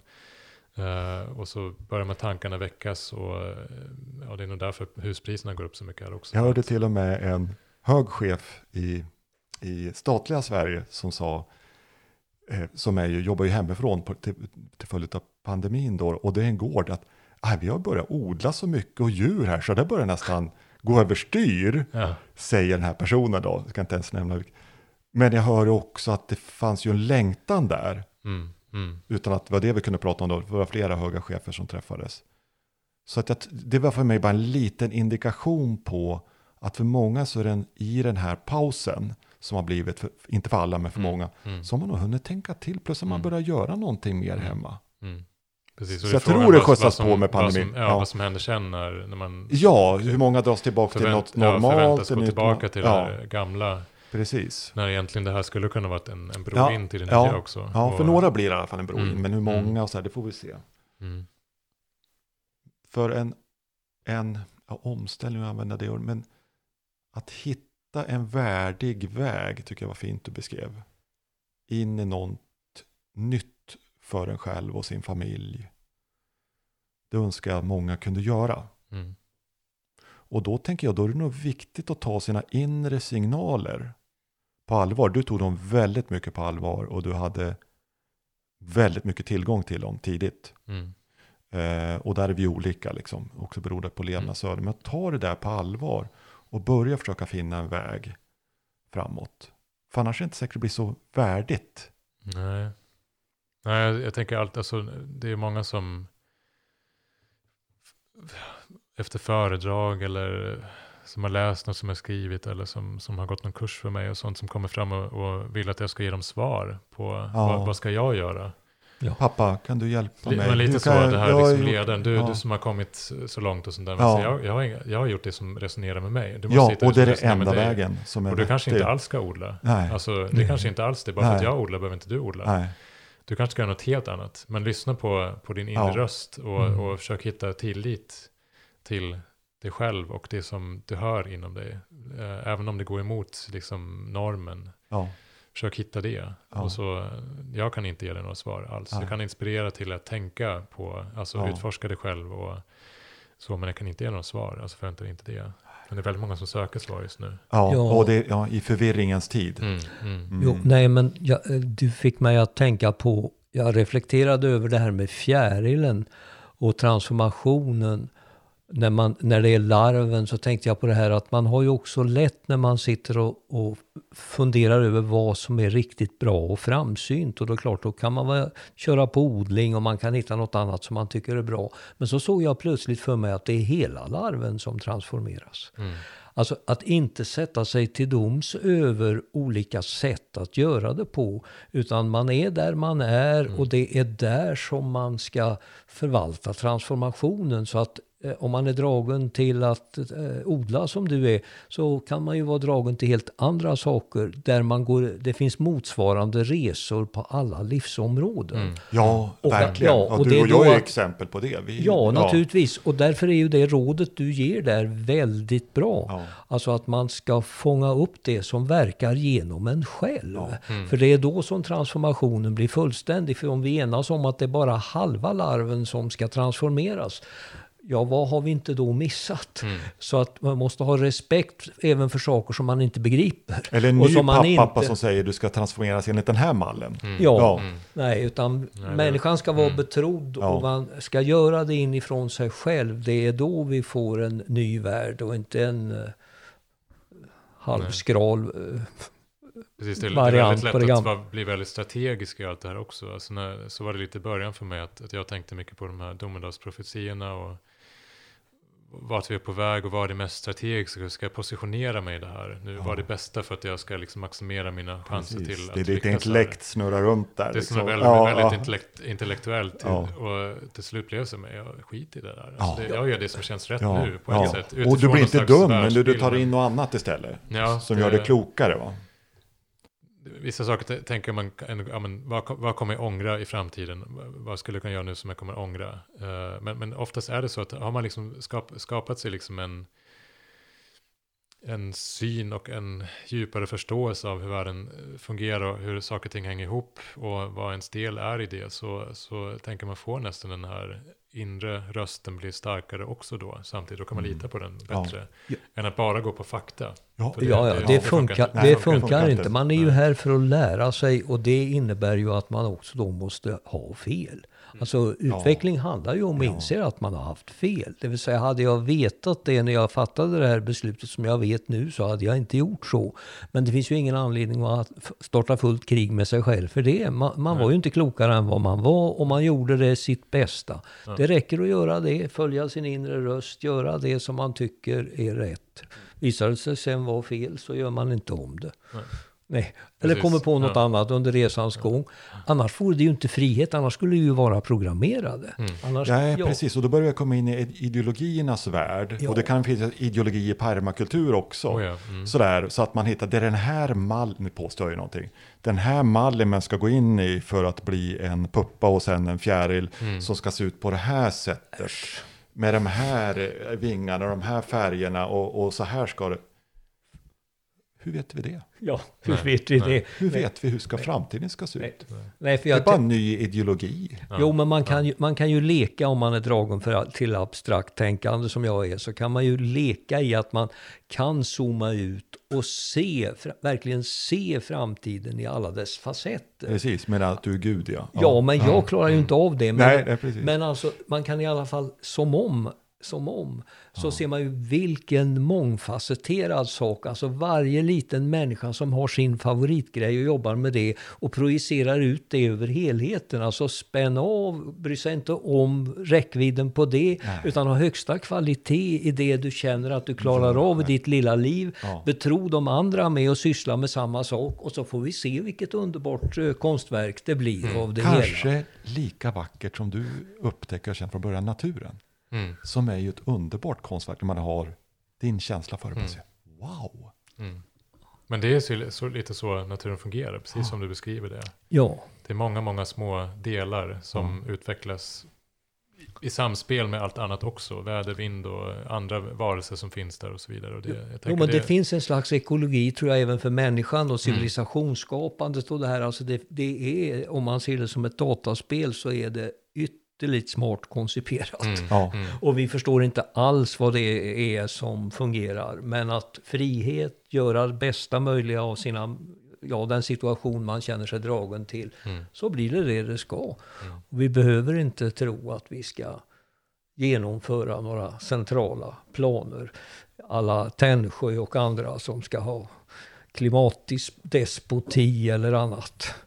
Mm, och det kommer det nog vara många fler röster kring. Mm. För Ja. det är alltid någon smart, ofta är det män också, som har kommit på Mm. vad som kan rädda världen, åtminstone delvis. Det är ju samma med permakultur. Ja, det är Alltså, samma, det, ja. Det, det grund, eller myntades av två män, varav en väldigt eh, bra på att prata och uttrycka sig och väldigt, väldigt dominant på alla sätt. Bill Mollison från Australien. Han skrev en bok och, om det där. Och, det var, ju- kan man ju kalla för ett första utkast på hur man skulle kunna gå framåt. Så ser jag på det i alla fall. Det var jätteintressanta idéer. Ja, men det var men, sista men ordet. det ju, men det var, från, från honom var det sista ordet. Och- Det var sista ordet, 86, så här är det. I, Ja. princip, I princip så. Och Ja. tyvärr så uppfattar många också i den här rörelsen att ja, men det här är det enda att gå efter. Här har vi mallen för allt. Och Det här är källan. och det är helt fel. När de egentligen från början när man läser de första publikationerna så är det mycket det här Så tidräkningen börjar 1986, det är inte no år noll nu liksom, med Kristus födelse, utan nu är det... Lite, Det lite, där, Ja, ja. Lite, lite så. Ja. Eh, tyvärr är det...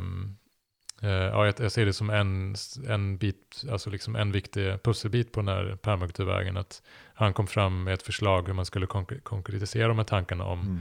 hur vi kan återförena oss med ekologin och så vidare. Men, men hela grundidén, om man går ännu längre tillbaka, 78, när den första boken kom, eh, som han tillsammans, skrev tillsammans med David Holmgren, så handlade, handlade den väldigt mycket om att vara ödmjuk och förstå och observera Ja. och titta och inte ha någon åsikt direkt om någonting, hur någonting ska vara, utan verkligen, okej, hur, vad ser jag för någonting och vad kan det ha för påverkan på mig och vad händer om jag gör det här? Alltså en, en ganska, ja men en ödmjuk, utforskande, nyfiken inställning till, till allting utifrån en etik som, som jag fortfarande kan skriva under på, som handlar om att eh, ja, omsorg om människan, omsorg om jorden och en rättvis fördelning av, av Mm. resurserna resurserna som finns i, i, på den här planeten. Väldigt enkla saker egentligen, samtidigt som det är väldigt komplicerat. Men sen har ju, som i alla sådana rörelser, har ju blivit, för vissa i alla fall, blivit någon slags ideologi, att det måste vara exakt på det sättet som Bill Mollison sa för, eh, för 35 år sedan. Och Ja. är det inte så, så är det fel. Ja. Och och då, det är inte det, var, det som var meningen överhuvudtaget med det här. Nej, Du, du får mig att minnas något som var en uppenbarelse för mig på ja, det var nog 60-talet, början på 70-talet. När man pratade om makrobiotisk kost. Mm. jag har aldrig hört talas om. nej, men då fick, ja, Orsava hette någon kille där. Och, och det, i- i den variant som man hävdade där då, det var ju råris och linser och lite sånt där. Jag tänkte, ska det vara sånt överallt? Och så eh, råkade jag komma i kontakt med uppgiften att det Orsava var ute efter, det var ju att man skulle äta det som var naturligt på det, i den miljön och det område där Ah. man var. Men så hade det blivit då en Orsava-form, så det var eh, Ja, det, han hade väl bott där man odlade råris och hade någonting annat. Men han tyckte ju själv att till exempel eskimoernas kost var makrobiotisk. Och det var ju så långt borta från eh, råris och linser som man kunde komma. Det, då, det var val, eh, biff och Precis. sältran. Ja. Och, och då kände jag liksom, då fatt, kände jag att jag fattade ju att det där var ju en klok man från början. Att han fattade ekologin och att det var inte, var inte nödvändigt att vara vegetarian om det bara gick att äta kött. Det växte ingenting där. Att det var mer den här anpassningen, att man sjöng tillsammans med den natur man var i och levde tillsammans med den. Det var det som var grejen. Men sen hade lesser minds hade då Ja. så, tänkt, det, kan- det måste vara så här. Precis, det det måste här vara blir så för här. jobbigt. Och det är rätt. precis, det, Ja. Det är samma- Det, det, Ja. det är någon konstig grej att folk söker efter enkla recept. på Ja, saker. ja. Gör så här. Ja. Ja, och då slipper man att nej, tänka. Ta, ta, ta ansvar själv för det. Ja, Gör så här innebär att titta ut genom fönstret. Vad Ja. ser du för någonting? Gå ut och plantera ett träd. Vad händer? ja. Alltså Plus, att- du beskriver också att du behöver titta in i dig själv. och in dig In själv. Vad, vad, själv, gör, det, vad Ja. gör det med dig Ja. när du tittar Ja. ut? Vad gör det när du går ut? Ja. Och det, det går väl igenom i allt. Jag tänkte på det här med bilarna nu igen. Vi har självkörande bilar. De är programmerade och så Mm. har vi då bilföraren som lite fumligt för sig fram. Men vi ska ju vara i bilförarmedvetandet. Alltså vi ska anpassa oss efter de Mm. omständigheter vi är i. Vi ska lära oss av det och utvecklas genom Mm. det.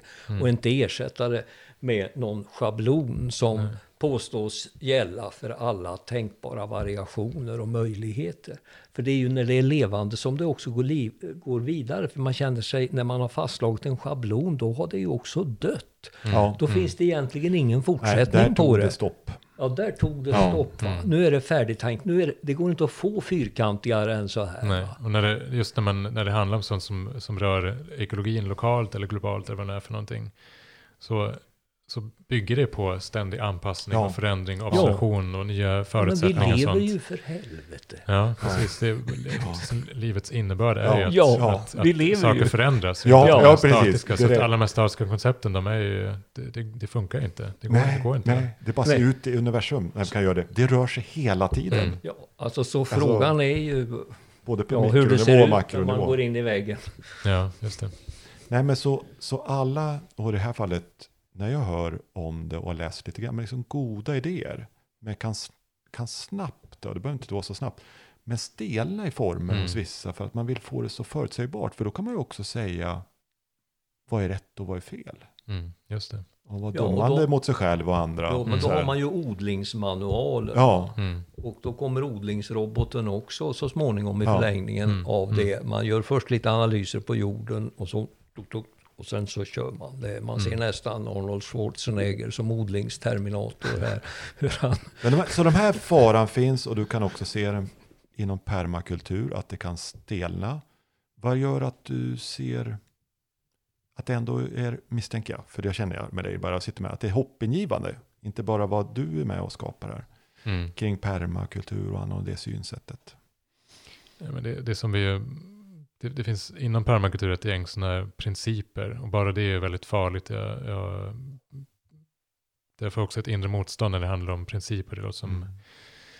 här, så här måste det vara på ett sätt. Principer om till exempel vara observant, är en sån pr- princip. Eller se till att försöka integrera saker istället för att segregera dem. Alltså Ja. det, det är som ett svar mot hur vi har organiserat samhället. Att här jobbar man, här bor man och här Ja. handlar man. Så Ja. kan man integrera saker med varandra. Så det är goda tankar och sånt. Men det blir, kan ju också bli väldigt stelt. När man säger att det här är det som gäller. Princip nummer 11, har du tänkt på den? Ja. Här ser jag inte att du har applicerat den. Så, såna, så- sånt har jag upplevt. Så vi har lagt till en princip som heter tänk själv ja, och den är på våra kurser. jätte, åh vad viktig. Eh, för det, det, det, och det, den pratar vi mest om egentligen. För att säga det här, det är allra viktigast att ni, ni använder er egen hjärna. Vi kan inte ge några svar. Ni kan inte få några färdiga svar. Varje svar Mm. är anpassat. Det, det måste vara platsen i samverkan med den som är på platsen. Och det, ofta är det fler än en person.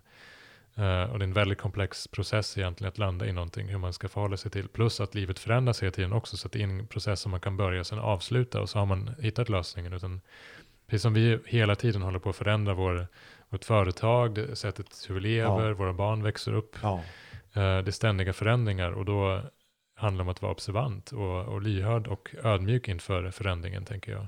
Och det du säger där, det säger ju också att om ni hade varit andra personer som hade jobbat här så hade det blivit en annan odling. Ja, ja, det här Där- reflekterar ja. våra, Ja, våra Även om ni hade haft eh, ja. permakulturbibeln och Ja. följt den till punkt och Precis. pricka så hade Det det... hade ändå blivit något här är en annat. som är Ja. uppväxt bland fruktträd i Tyskland. Och Ja, då blev det ja. bland annat det här va, som ledde Ja, till. men, ja. jo, men alltså för då har vi också det här med grupper och, och det är också någon slags ekologi i vad man kan göra tillsammans med andra personer. Hur, eller ja, en kör eller vad ska man säga. det, och mm. då blir det andra manifestationer. Så det, det finns ju en slags permakultur där också Mm. i samarbetet med andra människor. Så ja, det ordnar sig där. Nej, men det, det som får mig att ändå vara ganska hoppfull är att jag ser att, att det har eh, antalet människor som börjar tänka själva och ifrågasätta det rådande systemet har ökat.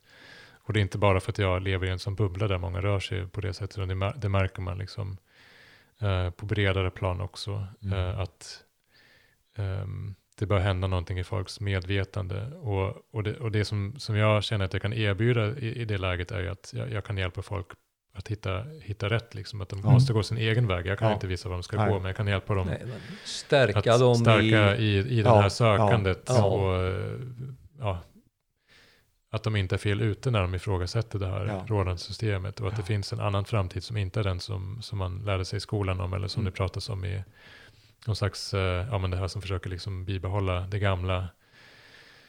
Och för, ja, kolonisera framtiden som du, Mm. som du uttrycker det. Liksom. Den, den kolonisationen är ju inte given egentligen. Även om väldigt många beslut i samhället fattas utifrån att allt kommer fortsätta som det har, har Ja. varit. Att man drar ut de här strecken. Men folk ser att det, de här strecken går inte att dra ut längre. Nej. Inte mycket längre till i alla fall. Och du kan ju också gå i god som person för att du, jag har gått den här vägen och det blev så här. Mm. Alltså det finns ju ett hopp i det. Det är mycket hoppingivande. Ja, alltså att ja, men det funkade. Jag upptäckte att jag hade en... Så jag, jag, jag brukar ju ibland säga att livet är som två pjäser. En som man försöker skriva själv och en som är skriven i förväg. Mm. Och så kan det komma väldigt tunga repliker då från pjäsen som är skriven i förväg. Då kommer liksom repliken Stjärnsund in så det bara dånar i den Mm. här pjäsen som du skrev själv. Och du är tvungen att göra om ta fan hela den pjäsen bara, bara för att den där repliken kom in. Och om man kan få pejling på det där som är ens öde eller vad man ska säga. Mm.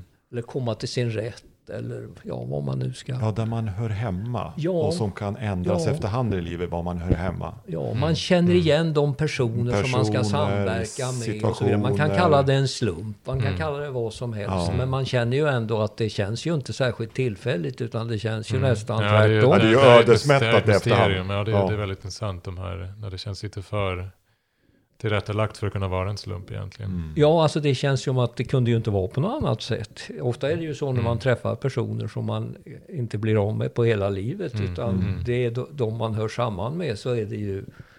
Ja, det känns ju inte som en tillfällighet. Nej, nej. Nej. Är det något mer som vi skulle vilja säga idag? Jag vet inte om det behöver komma med, men en, en, en tanke som eh, när, du, när du sa där att, att jag kan vara en, en förebild och um, folk kan se att jag, jag har lyckats på det sättet vara in, inkännande och inlyssnande. Så har jag ibland fått motfrågan eller kommentaren att ja, men du, alla kan väl inte skriva böcker och sånt. Så att jag har skrivit två böcker och eh, livnar med delvis på, på att, att de säljs och jag håller föredrag om det här. Att det blir lite den här pyramidspelsvarningen, Ja. att jag sitter här Ja. i toppen med mina böcker. Eh, ni kan alla göra som jag, fast egentligen kan inte alla göra det. Nej. Göra det. Eh, och då försöker jag säga, men det handlar inte om att, att du ska skriva en bok också, utan det handlar om att du ska hitta dig själv och eh, din, ehm, ditt kall, eller vad man ska säga, i livet. Vad det nu än är för någonting. Och det kanske inte alls har med odling att göra, som sagt, utan det kan vara något, något fullkomligt annat. Eh, att det är det som är viktigt, att inte poängen att, att jag har gått just den här vägen, Nej. där jag, som är, där jag råkade skriva två böcker, för jag tycker det är jättekul att skriva och läsa. Du kanske inte alls tycker det, gör inte det då. Du, du kommer hitta en annan inkomstkälla eh, än, Ja. än det. det. Nej, men det är klart att du inte ska, alla ska skriva böcker för varandra och sälja till varandra och hålla kurser för varandra. Nej, det går ju det är- inte. nej. Utan det gäller Nej. ju den egna grejen. Det är lite väl Mm. cirkulär ekonomi, Ja, ja, man går runt men alltså det är ju eh, en brist i förmågan till abstrakt tänkande. Det Mm. gäller ju en hållning till livet Ja, Mm. och till ens eget inre. Det är ju Mm. det det Ja. handlar om. Inte att eh, man ska skriva böcker om... eller egots Växter. röst hörde jag när man, i den kommentaren. Som att man ska bli känd på någonting också. Mm. Vad kul, vad fint för dig att du blivit känd. Men jag tror inte jag kan bli känd. Men det handlar ju inte om det. Nej. hur du ska känna in i ditt liv och vad Mm. du ska skapa. Mm. Det är väl det enda det handlar om. Ja, dessutom kanske det vore bättre att slippa att vara känd. Alltså bara leva. Ja, det Mm. finns Mm. otroligt många fördelar med det. Mm. Ja, Mm. Mm. det, så det... Mm, men det, det är liksom en, en, en sån här konflikt som jag kan, ibland kan känna också. Att jag lever ju inte det enkla livet egentligen. Alltså det här, liksom, det blir per automatik när, när, när man skriver en bok som säljer som det här gjort. Och Årets trädgårdsbok och vad det är för någonting. Och så var jag med på tv och Ja. åker runt i hela Norden och håller föredrag och kurser och sånt där. Så är ju inte jag den, den enkla självhushållande personen som bor i Stjärnsund bara. Men då hade jag aldrig nått ut till någon heller om jag, om jag bara hade höll på själv här uppe. ja. Och in, aldrig berättat om det för någon. Så att, men det, det blir lite, det, det är just det som du säger, att det, det här är inte mallen för hur alla ska leva sitt liv, utan det, är- det är den här grundinställningen till livet som, som är det som jag vill inspirera folk till. Ja, Själva hur det, hur det har blivit för mig, det är ju, ja, jag kan ju bara inspirera för att jag når ut med det. ja du Och- och- kan det. Jag menar, det går ju, inte- det går ju inte att ersätta dig med Nej. random person. Nej, Du nej, har precis. ett antal Mm. förmågor och Ja. erfarenheter som gör att du kan nå ut. Ja. Och du tror jag vet att du kan välja det enkla livet. Och packa, ja men nu skriver Mm. jag ingen mer bok och jag drar ner Mm. på kurserna och så Mm. nu. Mm. Om du vill, om det är det du Mm. känner att du ska Mm. göra så gör du ju det också. Mm. Det finns ju där som en... Ja, alltså det gör du ju. Ja, Det är, det är liksom, ja, det, det är mycket där att, att tänka på egot också. Är, alltså när jag får vissa förfrågningar sådär om, om någonting, gör det här nu bara för att mitt ego blir lite mer upplåst? Eller Ja. finns det en mening med det här också? Är, Ja. det, är det så att jag kan nå ut fler, få, få ut det budskapet, inspirera folk till att känna mer ödmjukhet inför ekologin? Eller är det bara mitt ego som blir Ja. matat där? Och när, det är ba, när jag kommer fram till att det här är bara ditt ego, eh, så är det, är det ofta att säga nej, jag, jag gör inte det här. För att det här Det är leder ingen vart. Det leder ingen vart. det. För annars, jag tror man kan lätt göra sig beroende av det också. De här, Ja. Hitta bekräftelse i att bli Ja. sedd och... Då är det ju ofta Oj. inkomster kanske också. Och andra är beroende Ja. av dig, vad var kopplad till dig. Sådär, det blir Mm. lätt också. Jag Mm. tänker på en person som jag har jättemycket respekt för, som, som jag inte träffat, men han heter Fredrik Laloux. Han, har han är belgare och han jobbade också på McKinsey, men vi jobbar inte samtidigt så vi känner inte varandra så. Men han loggade ur från, från den typen av tänkande, eh, inte McKinsey som sådan, men liksom, han kände han hörde inte hemma till slut. Han skrev en bok som, som heter Reinventing Organizations. Och det är bland annat en fjäril med på den där boken. Nåväl, som blev en superhit. Mm. Och han blev ju känd i världen kring att stå för nytt tänk kring organisationer. Mm. Sådär, och hur han pratade om det och gjorde det väldigt eh, faktaorienterat också och konceptuellt stark och så här. Men han kände att nej men jag ska inte kapitalisera så speciellt mycket mer på det här. Skulle, han skulle kunna resa runt hur mycket som helst i världen Mm. när man skriver en sån superhit i bok. Men han kände att det var inte det han skulle göra. Det var han och hans fru med två små barn. De skulle flytta till USA istället och och, och flytta till en ekoby och Mm, så här som de mm. sedermera gjorde. Och så gjorde han ett antal videos fortsatt som var jättebra videos kring det här.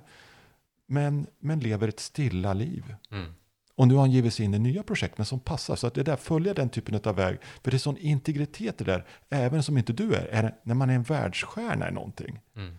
Och så känner nej, ja men det är inget fel på det jag gjort där och det hjälper folk, men jag måste inte fortsätta. Nej, nej, precis. För det kan vara efterfrågan från andra som att, ja men då måste jag hjälpa till. Nej, det måste jag inte göra. Nej, nej.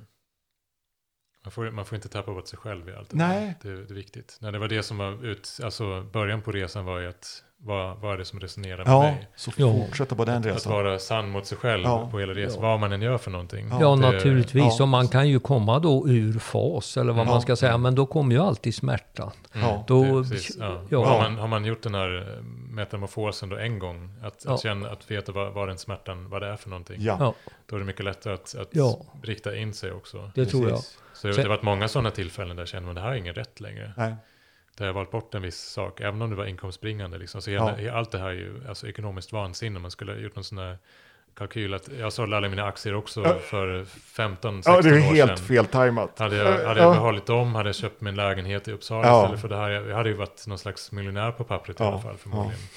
Eh, Innan men, det smäller. Men då hade du, innan, innan det smäller, ja precis. Men, men det känns så Sen är lite baksmälla.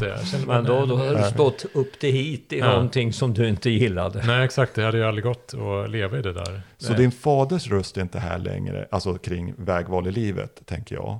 Men det kan finnas andras röster. Men, du borde fortsätta. Jag menar, du har skrivit de här Mm. två böckerna, tänk om du kunde fortsätta. Och det är Mm. subtilt och ibland är det bara Mm. plakat utanför. Här. Fortsätt med det här nu.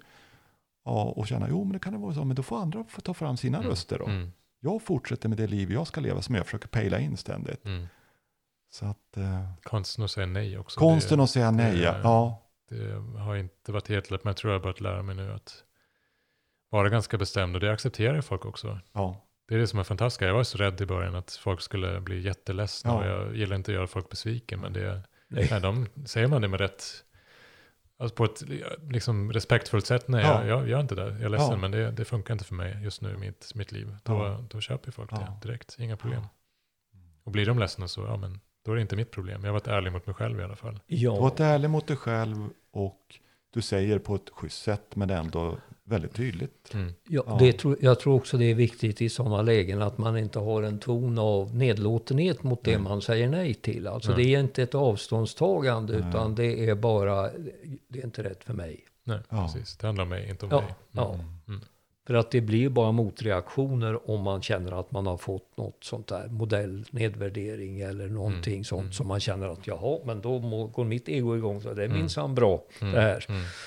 Mm. Du ska vara hedrad att du har blivit tillfrågad, Jo, men din kräsna Ja, ja, jävel. visst, ja, visst, så är det ju också. Men den, det, det är bara att ignorera. Så det, det har Ja. inte med mig att göra, den reaktionen. Det, Nej, det är får klart att de, den inte har. det får de själva jobba med. Ja. Ja, som precis. Det har, man har fullt upp med sitt Ja, eget ja, liv ja, och sin egna, sitt eget varande, sin eget Ja. ställningstagande. Det räcker bra att leva ett liv. Mm. Mm.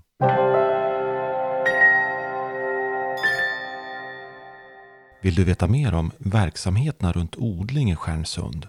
Besök då gärna stjärnsund.nu.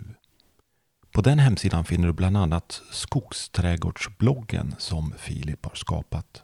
Vi tänker fortsätta att bjuda in fjärilsarbetare och vi gör det för att vi vill undersöka och inspireras av deras praktik och för att stärka det framväxande nätverket av fjärilsarbetare. Men vi gör det också för att vi hoppas kunna ge näring och stimulans till våra gäster i deras fortsatta fjärilsarbete. Det är nämligen en krävande sysselsättning att få frön från framtiden att slå rot och blomma ut i nuet.